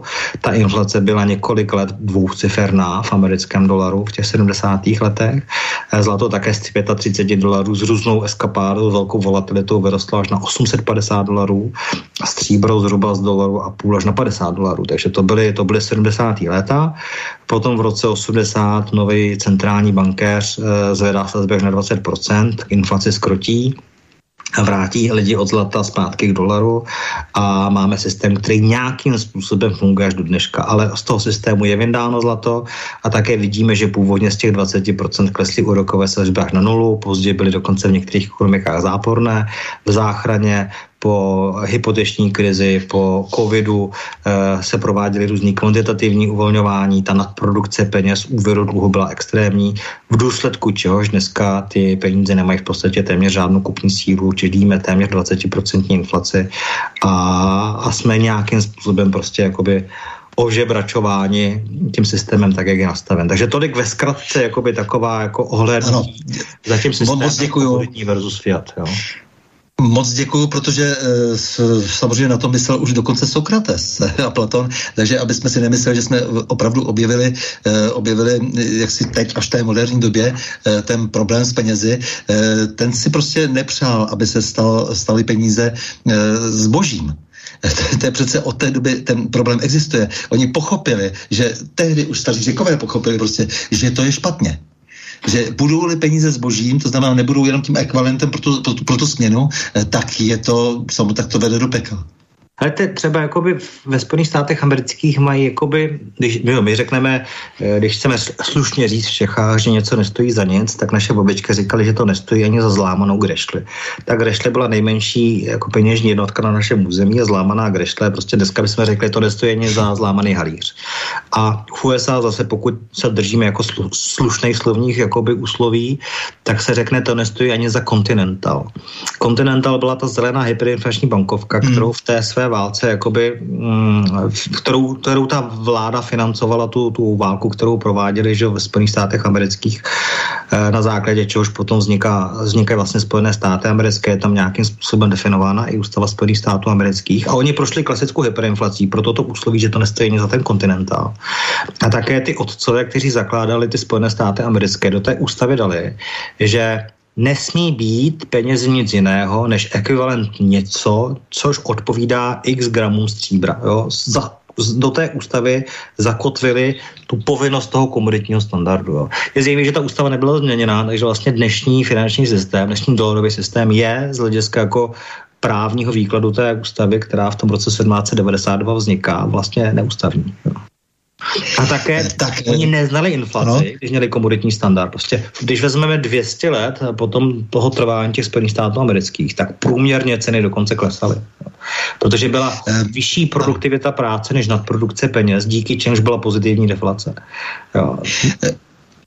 Eh, abychom jenom eh, nepodezírali ty politiky, že eh, rádi válčí, samozřejmě dokud politici byli sami za sebe, byli majetkově vybavení a tak dále, tak byli samozřejmě to oni, kdo rozhodovali. Dnes se rozhodují právě ti chlapci, kteří od toho, od těch dob toho Fedu, nebo respektive od té doby, co nebyli v tom roce 1908 zavřeni za ten ran na americké banky a pak se sešli a domluvili tedy eufemisticky nový zákon o bankách, což je vlastně potom ten vznik Fedu, jak jste říkal, jako nezákonný, ale eh, oni samozřejmě eh, sami potom v podstatě vedli skrz ty politiky války, že jo. Konec konců punktovali a zaplatili eh, říjnový převrat a vykradli právě to zlato, se to počítal prostě na několik lodí, které se odtahly prostě z Ruska, eh, vykradli to zlato z Ruska tehdy Eh, zlatý poklad z části velké a tak dále. Eh, zároveň eh, samozřejmě druhá světová válka, nejprve podpora Hitlera, ti samí lidé, že? A ti samí lidé potom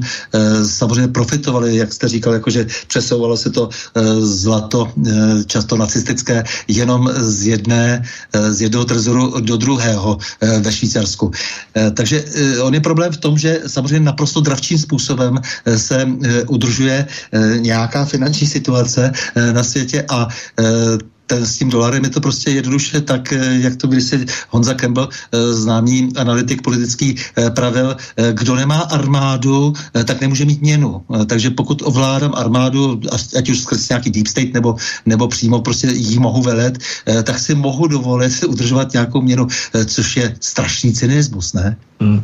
Hejte, když, jsem jako, když, jsme, když jsme spolu v tom, s mnohem opravdu potřeba souhlasit, když jsme v tom oblasti toho měnového systému nebo centrální bankovnictví, tak já jsem si tady v té přípravě ještě vlastně vytáhl jako dva známé citáty. Jeden je od Keynese, eh, což jakoby z, z mnoha jako pohledu třeba s tím ekonomem jako nemusím souhlasit, ale on se vyjadřuje k té tvorbě peněz a k inflaci, takže cituju, tímto způsobem může vláda nenápadně a nepozorovaně konfiskovat lidem majetek a ani jeden člověk z milionu si té krádeže nevšimne. Jo? Tak, tak nám třeba jakoby popisuje Keynes tu možnost uh, té inflace v, v reálném dopadu na tu typickou společnost, tak jaký ty centrální banky a vlády mají. A vlastně jeden z prvních ředitelů Bank of England, což je ta už moderní centrální banka, Sir uh, Josiah Samp, uh, vlastně má velmi jako na konci života velmi slavný citát nebo výrok, velmi to popisuje a já budu doslova citovat. On říká, moderní bankovní systém vytváří peníze z ničeho. Jde asi o nejúžasnější kejkle, jaké kdy byly vynalezeny. Bankovnictví se zrodilo z hříchu a jako hřích bylo i koncipováno. Bankéřům patří svět. Můžete jim ho vzít, ale nechte jim moc vytvářet peníze a ovládat úvěr a oni jedním tahem pera vytvoří dostatek peněz pro to, aby si svět mohli koupit zpátky. Pokud chcete být nadále otroky bankéřů a platit za své otroctví, nechte je vytvářet peníze a ovládat úvěry. Centrální bankéř na sklonku svého života. No, předtím už bylo varováno dokonce při americké revoluci, že tě, těhle lidé nesmí získat takovouhle moc. E, po stole tak se jim to podařilo nakonec.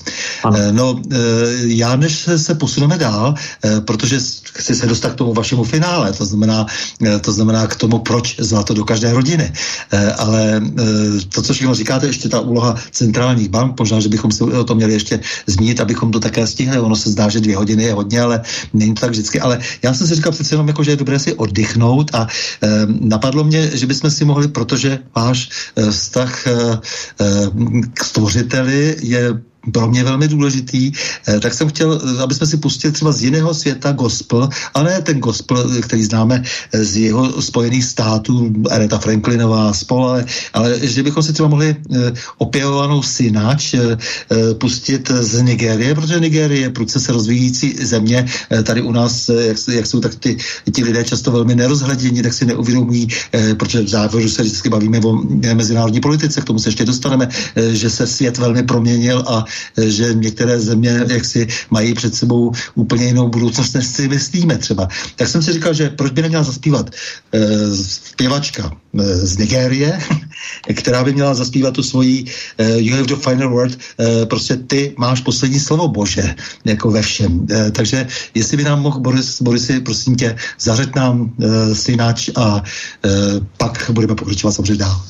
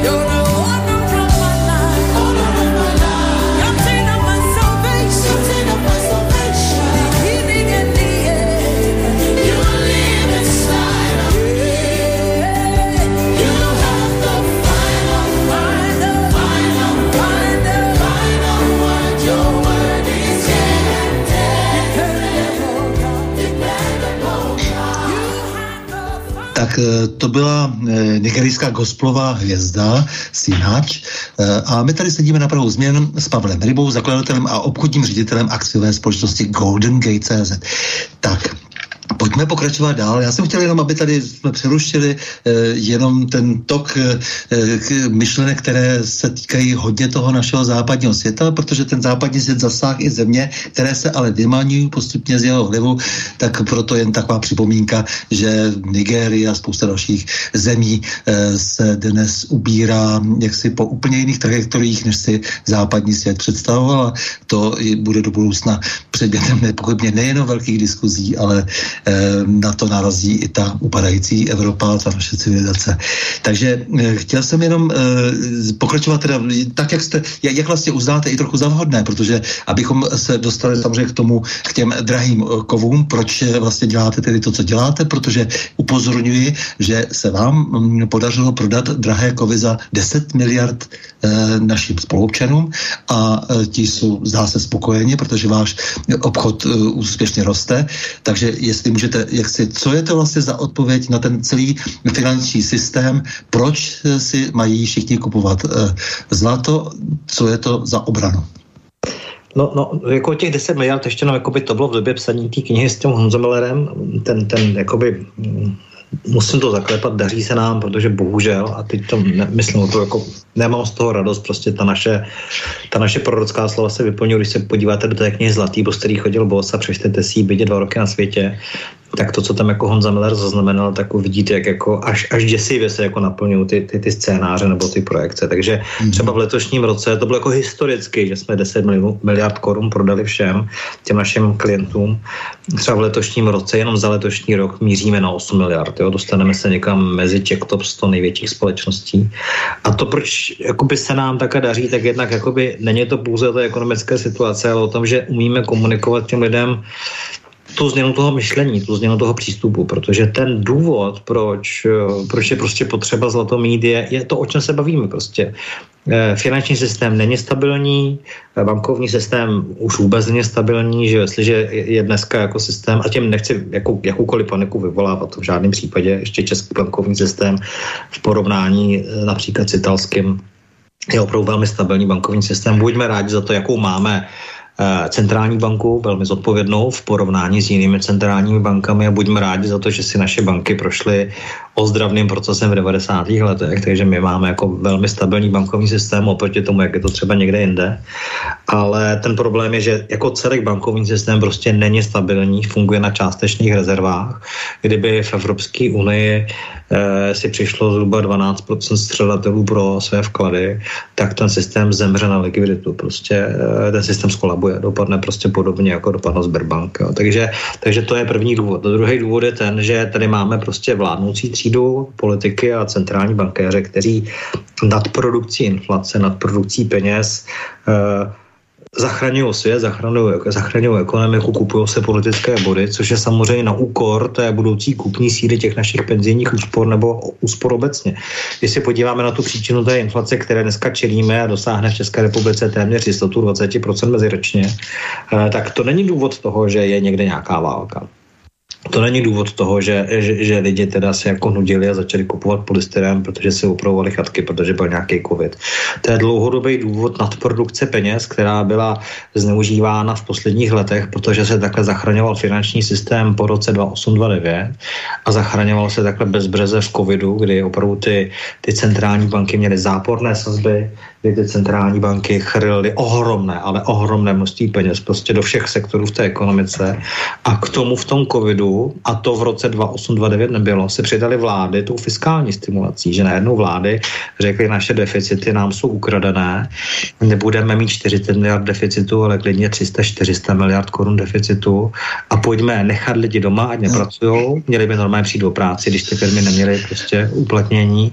A teď konsypali ty peníze do těch trhů centrální banky, sypali je tam vlády, dávali je lidem, nechávali lidi doma a dostávali prostě plat dostávali příspěvky, dostávali kompenzace. V důsledku čehož té ekonomice se naschromáždilo ohromné množství měnových jednotek, vlastně si řekněme hlasovacích práv, na koupi nějakého zboží nebo služby.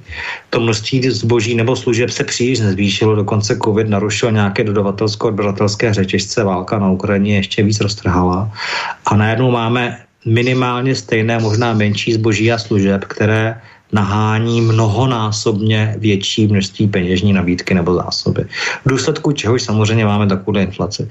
A na té osobní úrovni samozřejmě, když já s tím systémem jakoby nesouhlasím, eh, tak chci nějakým způsobem diverzifikovat. Ano, mám akcie, ano, mám dluhopisy, ano, mám nějaké nemovitosti, někdy toho mám víc, někdy míň, ale když si vyndám část těch svých úspor a v duchu třeba permanentního portfolia, jak jsem ho zpracoval i na konferenci Vyšeradské forum, tuším, že dva roky na když byste prostě měl po čtvrtině zlato, po čtvrtině akcie, po čtvrtině dluhopisy, po čtvrtině cash, tak máte neuvěřitelně stabilní portfolio, máte ho připravené na všechny vývoje v té ekonomice, máte klidné spaní, máte pojištěnou penzi, máte pojištěné výnosy a máte zhruba třetinovou volatilitu toho portfolia. Takže je to prostě pragmatické, je to navrácení se k nějakému principu toho, jak zprovat dlouhodobě ten svůj majetek. Eh, zmiňovali jsme tady spoustu komunit, tak samozřejmě vím, že kontroverzní komunita je třeba židovská, ale ty staří židé měli pravidlo třetin, měli třetinu ve zlatě, třetinu v penězích a třetinu v nemovitostech a říkali ty, ti lidé prostě doufej, že tu zlatou třetinu nikdy nebudeš potřebovat když jo, pomůže ti, ale přeji si, aby to nebylo potřeba. A takhle zpravovali majetek mezigeneračně a prostě ta diverzifikace funguje, no. Dobře, teď jako v tom všem jste říkal ta, ta, ta role těch centrálních bank a fenomén dolar sám o sobě. E, ta dolarová globalizace, že jo, války za dolar se vezou, vedou, který jsme se účastnili my, aniž bychom z toho cokoliv měli, to znamená, že jsme si řezali společně větev pod sebou, e, když se Kadáfi e, tady vyslovil, protože by, že bude mít e, směnitelný denár pro celou e, Afriku zlatý a tak dále, tak samozřejmě okamžitě válka, že jo, předtím se objímal s Hillary Clintonovou a hned eh, v zápětí eh, se eh, válčil, naprosto zničila infrastruktura z, z Libie a ta potom samozřejmě vydala svůj počet v nějaké migraci a tak dále. Takových věcí je stále více a více, to znamená Sýrie, Irák, eh, Afghánistán sám, kde se samozřejmě neboje prostě za nějakou Prahu, to ať si pan prezident odpustí tyhle ty řeči. Eh, jo, prostě eh, tady, tady se prostě vedou vlastně války za dolar v podstatě. Eh, je potřeba se toho účastnit?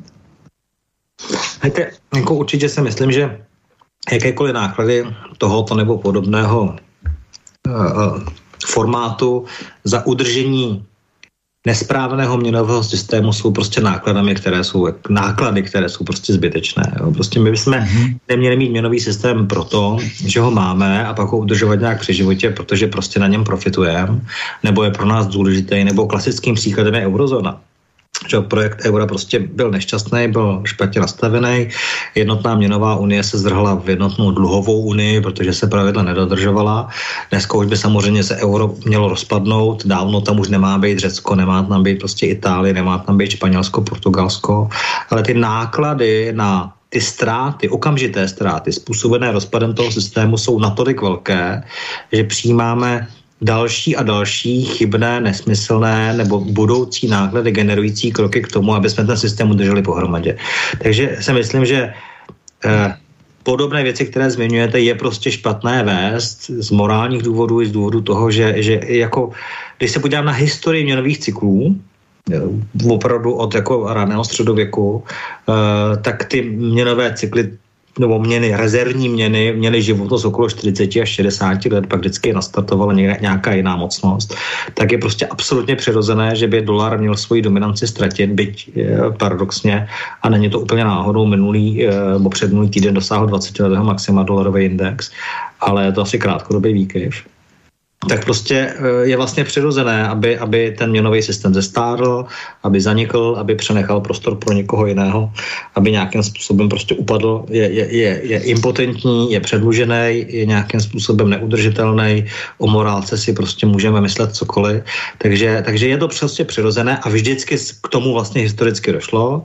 A touto optikou, pokud se podíváme na to, že stávající měnový systém po rozpadu Brettonwoodského systému od roku 71 už má 51 let, jestli dobře počítám, eh, tak přesluhuje, tak to historicky, geneticky, že? takže touhle optikou prostě, touhle optikou mě mrzí, že se takové oběti nebo náklady vynakládají pro to, aby jsme ten dolarový systém udrželi pohromadě, ale vlastně reálně, pokud nám je 30 nebo 40 a pokud nás nestihne nějaká civilizační choroba nebo autonehoda, tak reálně velmi pravděpodobně zažijeme prostě kolaps toho dolarového standardu se všemi negativními důsledky pro kupní sílu, stabilitu bankovního systému, hodnotu dluhopisů a touhle optikou prostě eh, než si spořit 100% peněz do státních dluhopisů, že snad za 30-40 let něco státu dostanu, eh, tak je dobrý diverzifikovat něco směrem k těm penězům, které nelze natisknout a nelze podvést v podobě třeba zlata nebo stříbra. Fyzického samozřejmě.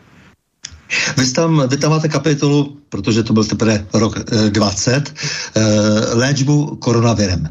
E, od té doby se objevila, ob, objevila řada nových léčebných procedur, léčba válkou, to znamená, tady mě zajímá, jak rozumíte konfliktu na Ukrajině, léčba Green Dealem, který se dlouho připravoval a, a stále ještě se mává tady nejrůznějšími prapory, byť už je to v podstatě do určité míry snad, snad odobřila agenda.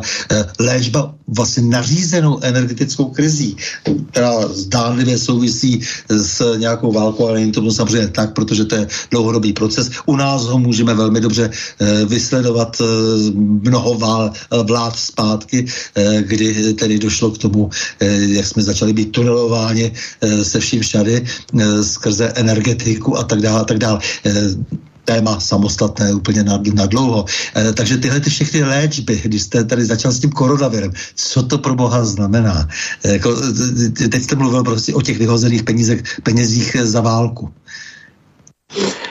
No, jako samozřejmě okolo toho se rozvíjí spousta teorií, spousta věcí. Já si myslím, že je strašně těžký zjistit, jak to objektivně je, protože je to opravdu asi souběh mnoha jevů, které vidíme současně. E, takže já bych velmi rád se jako k tomu nevyjadřoval úplně jakoby konkrétně, jo, co přesně stojí za válkou na Ukrajině nebo, nebo, nebo kdekoliv jinde.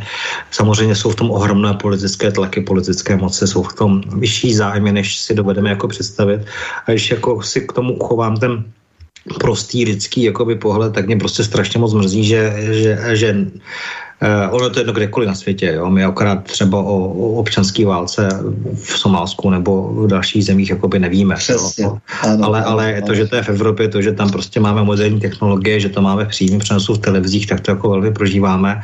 A jakákoliv válka na celém světě prostě je vždycky špatně. Je tam prostě lidský utrpení, je tam nějaký bezpráví, je tam znásilňování, jsou tam věci, které jsou v rozporu uh, s desaterem, v rozporu prostě s základní lidskostí. Takže to je asi rozměr, který bych si tam, který bych bych si tam jako bych chtěl uchovat a, a mrzí mě to, že, eh, že jako jsou prostě spravedliví a nespravedliví Ukrajinci, tak jsou spravedliví a nespravedliví Rusové, prostě jsou dobří a špatní lidé a teď se to všechno háže do jednoho pytle. Takže já bych se tam snažil jakoby zachovat si ten křesťanský lidský pohled na tu věc. A jinak všechny tyhle ty věci, které se dějou, eh, v kterých jsou různé, různé ty mocnosti zapleteny, souvisí do značné míry s udržením moci, s udržením postavení, s udržením toho kapitálu v toku, udržením nějakého, že mě zajímá z pohledu měnového prostě nějaké majority.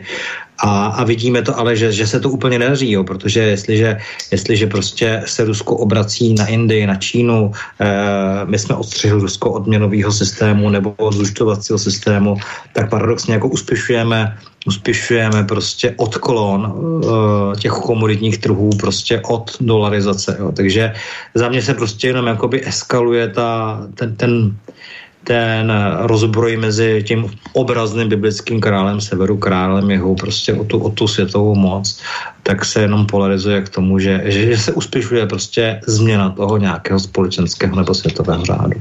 A samozřejmě ten, kdo ho dneska ovládá a vlastní, no, tak kope okolo sebe, aby ho co nejdále udržel pohromadě. No, no právě, no takže... Z náklady, které to... neseme my. Jo.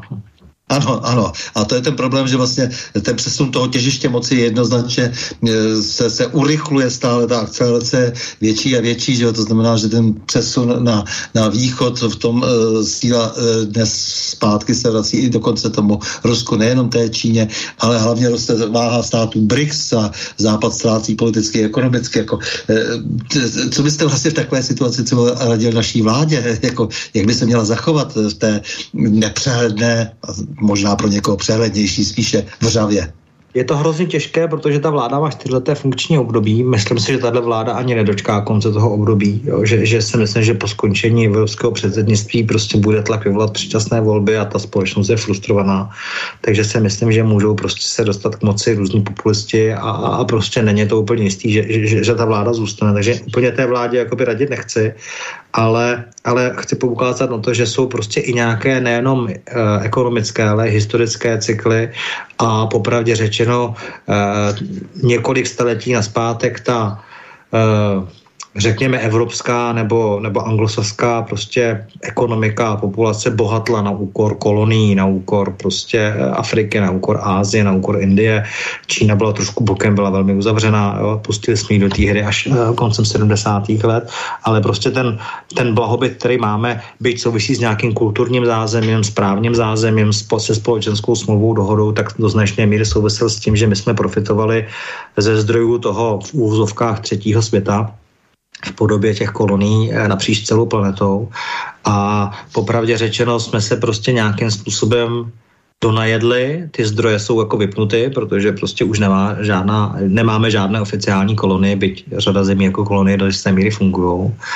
A ten západní svět se stává prostě sterilním, stává se impotentním, stává se neplodným. Ukažme si, ukažme si prostě na, na, na Evropana, který je ochoten pracovat rukama. Jo? Já jsem tady zaznamenal zrovna v tomto kanále, kanále, kde si povídáme v tom zdroji, jak tady, tuším, pan, který se věnuje lesu a tak dále, říkal, že, že, že výrok českých politiků je, že, že jako pro české ruce je, je hamba jako sbírat jahody, jo. Prostě pracovat jako rukama tady nikdo jako by nechce, jo. Takže to jsou jakoby věci, které, které tady prostě logicky jsou. Jestliže ještě tady máme legislativu, která tady je, vemte si, jak je drahé zaměstnat zaměstnance v Evropě, co všechno za ní musíte zaplatit, mm. sociální, zdravotní daně, že vy máte 30 tisíc, platíte 50 tisíc, jo, uh, tak prostě ano, někde v, v Indonésii, někde ve Větnamu, někde v Číně, někde prostě v, v Africe je ochoten ten člověk pracovat za dolar, za dva, za tři. Nebavíme se v jakém prostředí, nebavíme se s jakou ekologií, nebavíme se s jakýma nákladama, tomu se prostě nedá konkurovat konkurovat. Jo? A my jsme prostě staletí profitovali a, a rostli jsme ekonomicky životní úrovní na úkor někoho a ten někdo bude teď růst na úkor nás. A my bychom se prostě měli připravit na to, že prostě nejsme bez ztráty životní úrovně nebo bez toho, že začneme být víc ekonomicky aktivní, schopni tomu konkurovat. Jestliže ty tlaky jsou zavádět čtyřpracovní týden, zkracovat prostě pracovní dobu, jestliže ty tlaky jsou vydávejme peníze na, na Green Deal, vydávejme peníze na ekologizaci. Teď tím nechci říct, že máme menší planetu, to nechci říct. Vydávejme náklady na to, aby jsme teda jakoby my zachránili to, že Ázie bude kouřit nám pod nos jo, a my teda se obětujeme, tak to všechno snižuje naši konkurenceschopnost v důsledku čehož samozřejmě, pokud to nebudeme kompenzovat dluhem a v nějaké fázi narazíme na důvěru nebo udržitelnost toho systému, tak to logicky znamená ztrátu životní úrovně. Green Deal je třeba jakoby filozoficky správná věc, prakticky provedené naprosté neštěstí. Jo, naprosté prostě. Jo, obchod se místními povolenkami je prostě něco, co by se mělo změnit. Jo. Tlak na to, aby jsme všichni jezdili elektromobilama, tlak na to, aby jsme nepřirozeně technologiím nebo neúměrně k technologiím, které máme, dosáhli nějaké uhlíkové neutrality k nějakému datumu, když na to nejsou reálné zdroje, když na to není kapitál. Je prostě sebevražda ekonomická i společenská. Jo. Jo, pojďme se bavit o tom, jestli vůbec jsme schopni zvrátit eh, to globální oteplování, jo, když vidíme, jaký je poločas rozpadu těch, těch molekul oxidu uhličitého. Tím neříkám, že na to máme rezignovat, ale prostě i chovejme se nějakým způsobem jakoby udržitelně. A samozřejmě eh, je v tom ohromný biznis. Jo? Dneska, co má nálepku Green Deal, co má nálepku Eco, Nano, Bio, tak prostě má dotace, má prostě zdroje, má penězovody a je tady spousta zajímavých skupin, kterým nejde o to, aby jsme žili ekologicky, ale teď na to potečou dotace, teď tam bude podpora evropských fondů, tak, tak, tak tam pojďme být, jakoby, tak tam pojďme být jako úl. No. Teď jste řekl to, co tady jde, protože bohužel eh, tím, že se vlastně nikdo eh, odborně nezabývá těmi věcmi, ale najímají si jenom eh, trupy v podstatě ekologistů, lidí, kteří nerozumějí tomu problému, který je velmi komplexní, jak rád používat. Já to slovo taky rád používám, že je třeba uvažovat komplexně. Takže to mám rád, že se pokusíme ze všech stran ty věci nasvítit, zanalizujeme a pak se dokonce pokoušíme o nějakou, o nějakou syntézu. Takže samozřejmě takový lidé nejsou vůbec připuštěni, protože ta chamtivost, ten způsob vlády, to znamená, že ti nesmírně bohatí ovládli eh, to pole, eh, kde ti, kde ti politici v, to, v té eh, novodobé plutokracii, nebo spíše umírající plutokracii, jsou jenom těmi loutkami, tak to je ten velký malér. Do toho si samozřejmě potom můžu zaplatit, co chci, můžu si zaplatit jakoukoliv Sorošovskou nadaci, můžu si zaplatit prostě jakékoliv, jako, jakékoliv neziskové organizace, kde jsou lidé prostě samozřejmě nevzdělaní, eh, teď je nevzdělaní, myslím v tom vašem slova smyslu, jak jste to říkal, že vzdělání se eh, nabývá celý život a musíte eh, se snažit komplexně porozumět tomu světu. To neznamená, že to je to formální vzdělání. To tady má dneska kde kdo a nemá to ani úroveň maturity z těch vysokých škol. Takže jenom chci říct, že tohle to je teď veliký problém, ve kterém se přece nacházíme, to, že vlastně není poptávka po těch lidech, kteří budou opravdu prakticky a od odborně něco řešit. Je to, je to do značné míry pravda. A to, co mě trápí, eh, je, jako dotační program je dotační systém, protože prostě v 90. letech eh, žádné dotace nefungovaly a holce jakoby ty zájmové skupiny obohatily prostě na tom, že si rozebrali do jisté míry ten státní majetek, že potom teda se to nějakým způsobem e, právně uspořádalo a už to nešlo takhle okatě dělat, taky už jako velká část toho majetku byla rozdělená, ale začali jsme mít přístupové prostě jednání s Evropskou unii a začaly prostě testy evropské fondy. Jo. A to je, to je něco, co zásadním způsobem pokřivuje prostě ekonomiku a odkud jsou ty penězovody prostě ohromné. Vy, vy si vezměte, že jo, eh, eh, první vlna fotovoltaiky absolutně jako nekřesťanský, nesmyslný dotace, které tam byly, nesmyslné pokřivení trhu, prostě stavily se uh, fotovoltaické parky s, návratností bez, bez těch dotací eh, limitně jako mizernou, ale byly v tom ohromné peníze, aby jsme teda zjistili, že, že, že tady byly zájmové skupiny, které se neskutečně napakovaly, pak zase odklon k druhému nulové dotace, nic nepodpoříme. Jo, teď teda v reakci na uh, Green Deal a a ekologizaci a plynový problém a ropný problém s, s ruskou anexí Ukrajiny, tak teda znova do toho poteču nekřesťanské peníze. To prostě pokřivuje trh. Jo. A v té knize Zlatý post, který chodil, byl rozebírán třeba příklad kamarádky, která měla jazykovou školu, jak, jakým způsobem rekonstruovala školu s dotacemi a bez dotací. Prostě to je, to je plítvání těmi veřejnými reálnými zdroji. A samozřejmě dostáváme se i k tomu, jestli ta ekonomika má být tak centralizovaná, jako je, nebo má být víc decentralizovaná, protože pokud, pokud zaplatím hodně na daních, a pak se to rozdělí do fondu 1, 2, 3, 4, 5, 6, 7, 8, 9, 10 a přes nějaký průtok to znova se vrátí zpátky do toho, že se to teda tomu podnikateli zpátky dá, aby teda z nějakého dotačního titulu něco podpořil, tak samozřejmě jinak to je extrémně nákladný proces a jinak tam všude po cestě vzniká prostor pro nějakou korupci. Že? A, a jestli to nahoru nemá být třeba přímější nebo úplně přímé tak, že tomu podnikateli nechám víc, eh, než abych mu to vzal, neefektivně přerozdělil, užíval na tom eh, pomalu 10% nebo 15% populace ve státním zaměstnaneckém sektoru a, a on by jako efektivně vynaložil ty peníze, protože ví jako ten účastník té hry toho trhu, kde je potřebuje, kde je efektivnější nebo méně efektivně vynaložit. Jo. Takže to jsou všechno témata, které je potřeba rozebírat a samozřejmě problém dotací extrémně pokřivuje prostě podnikatelské prostředí, soutěž, motivy a dělá ten systém neefektivní. No právě proto se musíme vrátit i k té kulturní bázi, protože e, stejně, jako jste hovořil o tom e, díle Stvořitelově, e, o té nadlidské autoritě, tak samozřejmě potom musíme také vědět, že jsme nádoby křehké a že se neobejdeme bez toho, aniž bychom někteří více k, sobě patříme třeba díky jazyku, jako díky tomu, že máme nějaké dlouhodobě společné tradice a hranice, což znamená, že vytváříme dejme tomu nějaký národ, opravdu, eh, tak eh, že budeme posilovat tyto vazby, protože, jak jste teď říkal, jako ano, ta, ta věčná otázka koncentrace, dekoncentrace, fragmentace a zase potom centralizace a tak dále. Samozřejmě to má pokaždé nějaký svůj význam. V tom samozřejmě dnes se musíme trošku rozmyslet, protože ta Evropská unie samozřejmě skoncentrovala a zároveň zrušila všechny přirozené vazby. Tak se motivace pro záchovu civilizace, pro jak si to takové to morální splanutí jako nedá prostě vytvořit. Nedá se vytvořit taková atmosféra, ve které by ti, ti lidé bez toho, aniž by měli vztah těm nejbližším, chtěli za něco takového bojovat. No určitě, já si vybavuju, že když se vezme nějakou doporučenou literaturu, tak si myslím, že vynikající kniha o tom měnovém systému a bankovnictví je špatné peníze od Dore Karpiše. Vybavuju si rozhovor s Jurem, který jsem před nějakým časem vedl kdy, kdy jako zmiňoval to, že na rané dětství nebo rané dospívání jako prožíval jedné prázdniny ve Švýcarsku u nějakého českého emigranta nebo slovenského emigranta a že tam měl velmi zajímavý jakoby, Jurek Karpiš je vynikající ekonom.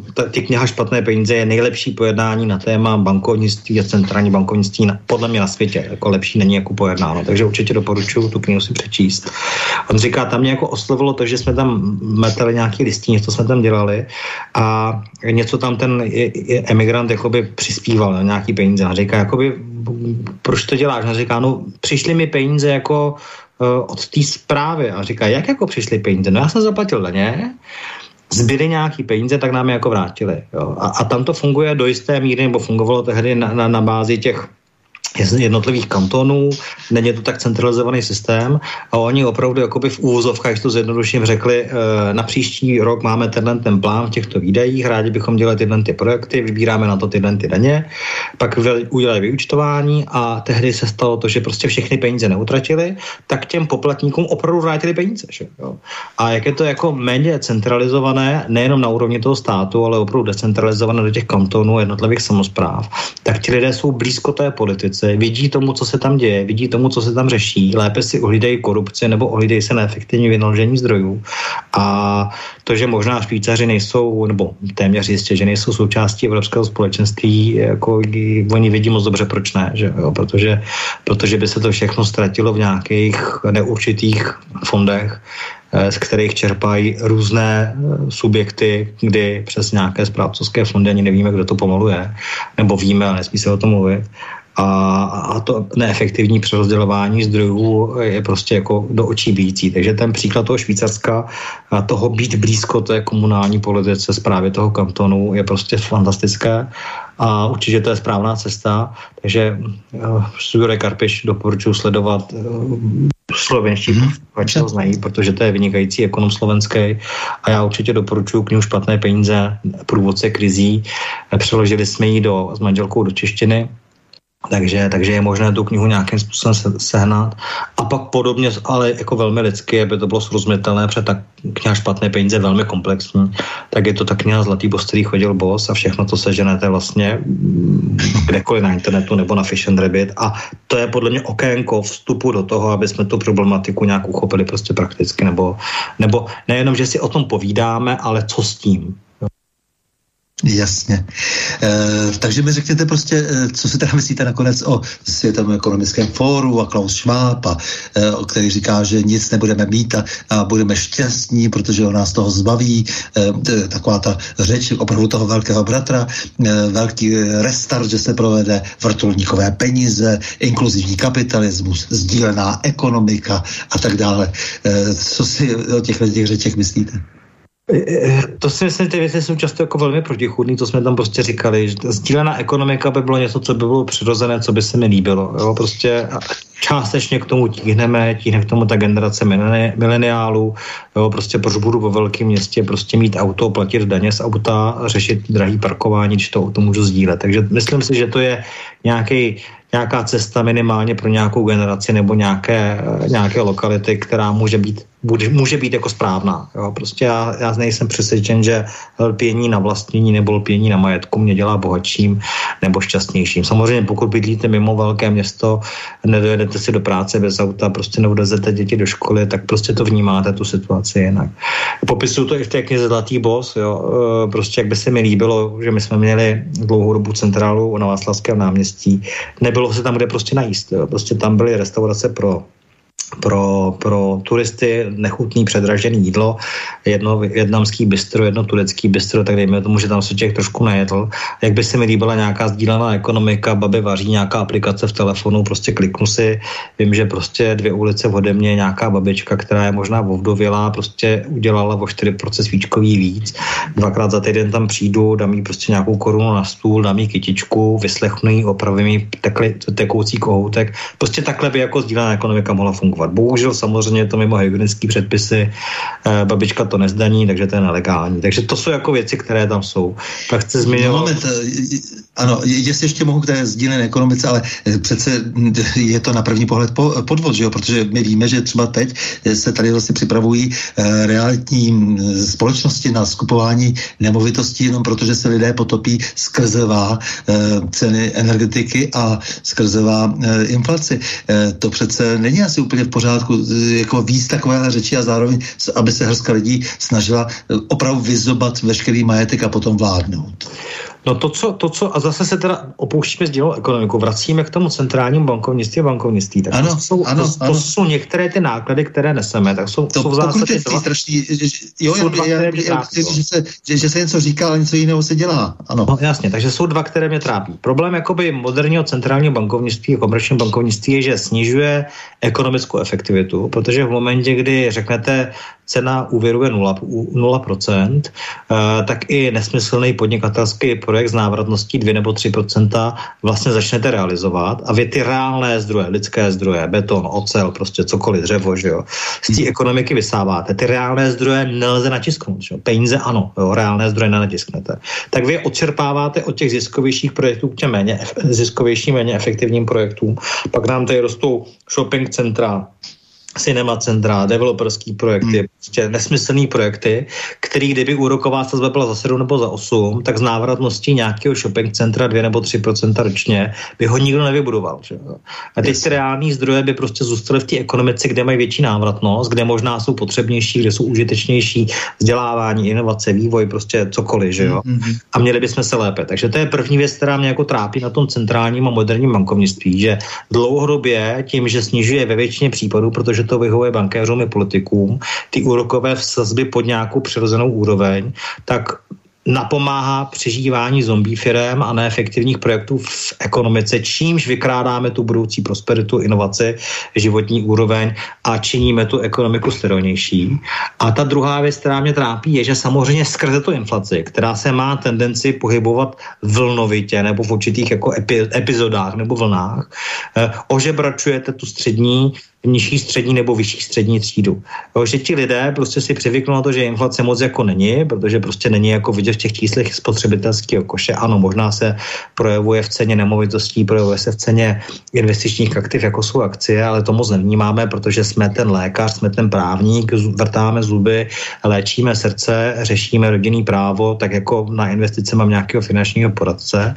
A pak přijde najednou prostě, že jo, vezmeme si ty hypotéky, vezmeme si ty úvěry na ty školy, na ty auta, že jo, jo, teď jako se zauvěrujeme, jo, ten příjem na to jakoby nějakým způsobem vystačuje a pak najednou přijde po těch 20-30 letech ta inflační vlna, stoupnou prostě náklady násobně a najednou prostě nezbývají nám složen, ne, nezbývá nám na složenky. Že jo? A samozřejmě ta třída najednou přichází o ten majetek a logicky si ho kupuje ten, kdo je byl blízko těm penězům, jo? protože samozřejmě ten emitent peněz se k ním dostává v nezředěné kupní síle a má kupní právo na to, aby potom kupoval, když ti ostatní už jako to neutáhnou. Jo. Takže samozřejmě druhý jako negativní efekt tohohle systému je ten, že dlouhodobě víc poškozuje tu třídu, která, a teď nemysl, nechci používat jako třída nebo pracující, jo, to, to souvisí trošku s tím terminologií nebo slovníkem toho minulého režimu jo, v těch 50. letech.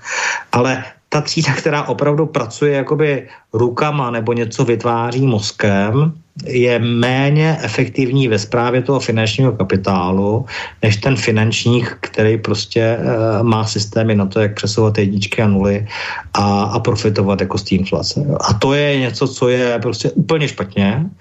A třeba když jakoby, a mý kolegové říkali, jsi extrémista, když mě řekli, jako řekni jednou větou, co je mise Golden Gate, tak jsem říkal, mise Golden Gate je, aby nezanikla střední třída. Aby ta střední Aha, třída, aby ta střední třída, která je nesmírně důležitá pro ekonomické principy, že jo? protože lůza je lůza, tak bude volit jako populistu, že jo? bohatý je bohatý, jo?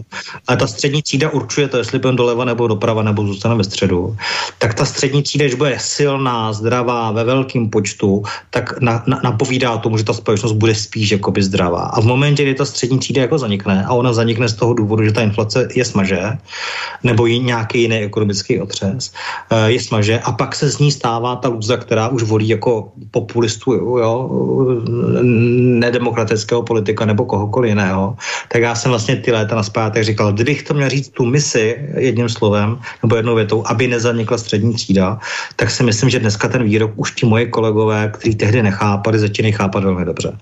Jo, protože v momentě, kdy jakoby nemáte všechny peníze v dluhopise, když je nemáte v dluzích, když je nemáte v penězích na účtu, když je nemáte v něčem, což je tou inflací konfiskovatelné, tak jste prostě méně zranitelný a spíš, byť může poklesnout vaše bohatství, se nezařadíte mezi tu luzu, ale zůstanete pořád jako v důstojném postavení, díky čemuž ovlivňujete tu, ovlivňujete tu společnost jako celek, že se nedá na cestu nějakého extremismu nebo uh, nějakého totalitního systému. Dobře, takže teď je tady jedna velmi praktická otázka a vy můžete už v tom závěru, vlastně v tom plédoéru e, závěrečném e, popsat opravdu ještě víc možná ten smysl toho, všeho, co děláte, protože dobrý večer, říká Radovan, e, chci se zeptat, jestli je lepší investovat do zlatých nebo stříbrných mincí, anebo do slitků s větší hmotností. Jestli chcete emigrovat do nějaké specifické země, typu třeba Austrálie nebo Nový Zéland, tak to by se samozřejmě kupoval jako mince, které vydává Nový Zéland nebo Austrálie nebo kdybyste emigroval do Kanady, tak si koupil Maple Leafy. Tak pokud zůstanete na území Evropy, tak bych chtěl po gramáži, takže já jsem slidkář, nejsem mincář, protože pravděpodobně nebudu mimo Evropu emigrovat, aspoň to nechci. Prostě kulturně patřím sem a udělám všechno pro to, abych ty den zemi nějakým způsobem prospěl. Takže bych chtěl určitě po gramáži, kupoval bych si prostě likvidní slidky, optimálně někde okolo uncí zlata nebo kilovek stříbra a šel bych po hmotnosti, šel bych prostě po likviditě, abyste to koupil u společnosti, která tady bude i za 10 let, protože má udržitelnou ziskovou strategii, která má nějakou vizi, která má transparentní výkupní podmínky a prostě držel bych to, že chci mít x procent toho finančního majetku prostě v těch fyzických likvidních kovech a pak mám nějaký jiný investiční strategie. Takže takhle to třeba mám já. Kdybych věděl, že budu emigrovat prostě do Austrálie, tak budu kupovat australský mince. Tak přece jenom ještě jedna otázka. Evelina se ptá, eh, nebo říká, že děkuje za zajímavý rozhovor a zajímalo by, jaký je váš názor na Národní zlatý poklad. Vlastním ho ještě nebo již ne? A jaký je váš názor na chování České národní banky v současné inflaci? Uh, tak je to víc dotazů dohromady. Uh, máme tady zbytky toho národního zlatého pokladu, prostě je to smutné, my jsme ho v první republice tady dohromady, měl mnoho desítek tun. Uh, potom v 90. letech jsme se většiny za minimální ceny na burze zbavili, to byla ohromná chyba tehdejší centrální banky, takže bohužel jakoby toho zlatého pokladu moc nemáme. Centrální banka naštěstí začala v loňském roce přikupovat zlato, protože dlouhou dobu rozpouštěla v té nesmyslné ražbě těch pamětních mincí. Takže tolik k tomu zlatému pokladu. Snad ho jednou budeme mít hodně, protože čím víc zlata budeme mít jako uh, centrální banka, jako národ, čím víc zlata budeme mít jako jednotlivci, jako rodiny, tím stabilnější budeme společnost. Takže já bych si přál, aby všichni lidé v České republice vlastnili nějaké investiční zlato, neříkám 100%, a věřím, že jim v tom pomůžeme, aby jim to bylo dostupné, protože se u nás můžou koupit nejenom jednorázově, ale jak přes to spoření. A jinak, jaký mám názor na kroky centrální banky? Asi centrální banky, kterou máme velmi vážím, jsme jedna jako z nejlepších centrálních bank na světě. Samozřejmě ta nová bankovní rada, eh, dosazená panem prezidentem, je je jednoznačně s cílem, aby už nezvyšovala sazby, což je ohromná, ohromná chyba, protože ta inflace je bezprecedentní, zejména v České republice, protože ta měnová fiskální stimulace tady taky byla bezprecedentní a ty kroky toho, že ta centrální banka měla odvahu zvedat sazby až k 7%, byla prostě jednoznačně správně. Bohužel ta nová rada od toho ustoupila. Myslím si, že ty tlaky inflace jí ale donutí ty sazby dál nějak rozumně zvedat. Vím, že někoho u toho mm, přístroje jako zklamu, protože vím, že vyšší úrokové sazby lidem, kteří nemají finanční rezervy, mají hypotéky, jsou předlužený, že jim to stěžuje život, stěžuje jim to splácení, ale my potřebujeme skrotit inflaci, protože ta nás zlikviduje jako ekonomiku celek víc, než to, že jsem se jako jednotlivec schoval nezodpovědně a jsem předlužený. Mám naštěstí tu výhodu, že máme tady pořád velmi nízkou nezaměstnanost, nejnižší v Evropě, kde pokud mi chybí nějaké peníze, můžu ty chybějící peníze na tu vyšší hypoteční splátku vydělat brigádou, druhým zaměstnáním, čímkoliv jiným.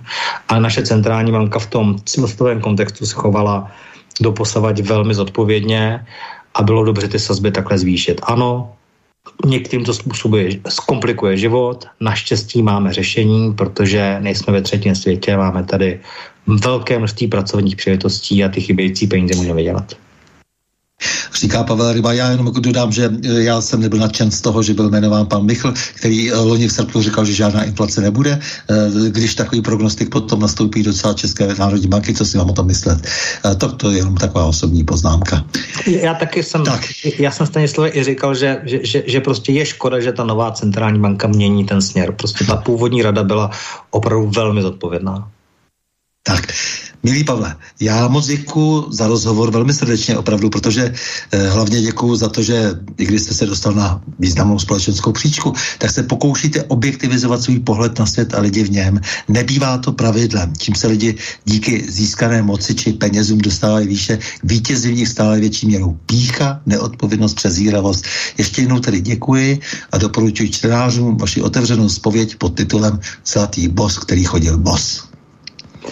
Já moc děkuji za pozvání, velmi se toho vážím a věřím tomu, že budeme možnost ještě někdy spolu komunikovat. Přeju příjemný Určitě. S vámi, milí posluchači, se také loučím a to s přáním. Mějme se rádi, buďme svobodní, zpříjmení, nevěšme hlavu. Stojíme při svých bližních i národech. Nepřátel se nelekejme a na množství nehleďme. Pořadu na pravou změn se uslyšíme opět za týden v pondělí 15. srpna v obvyklých 20 hodin a 30 minut. Naslyšenou a do počutě.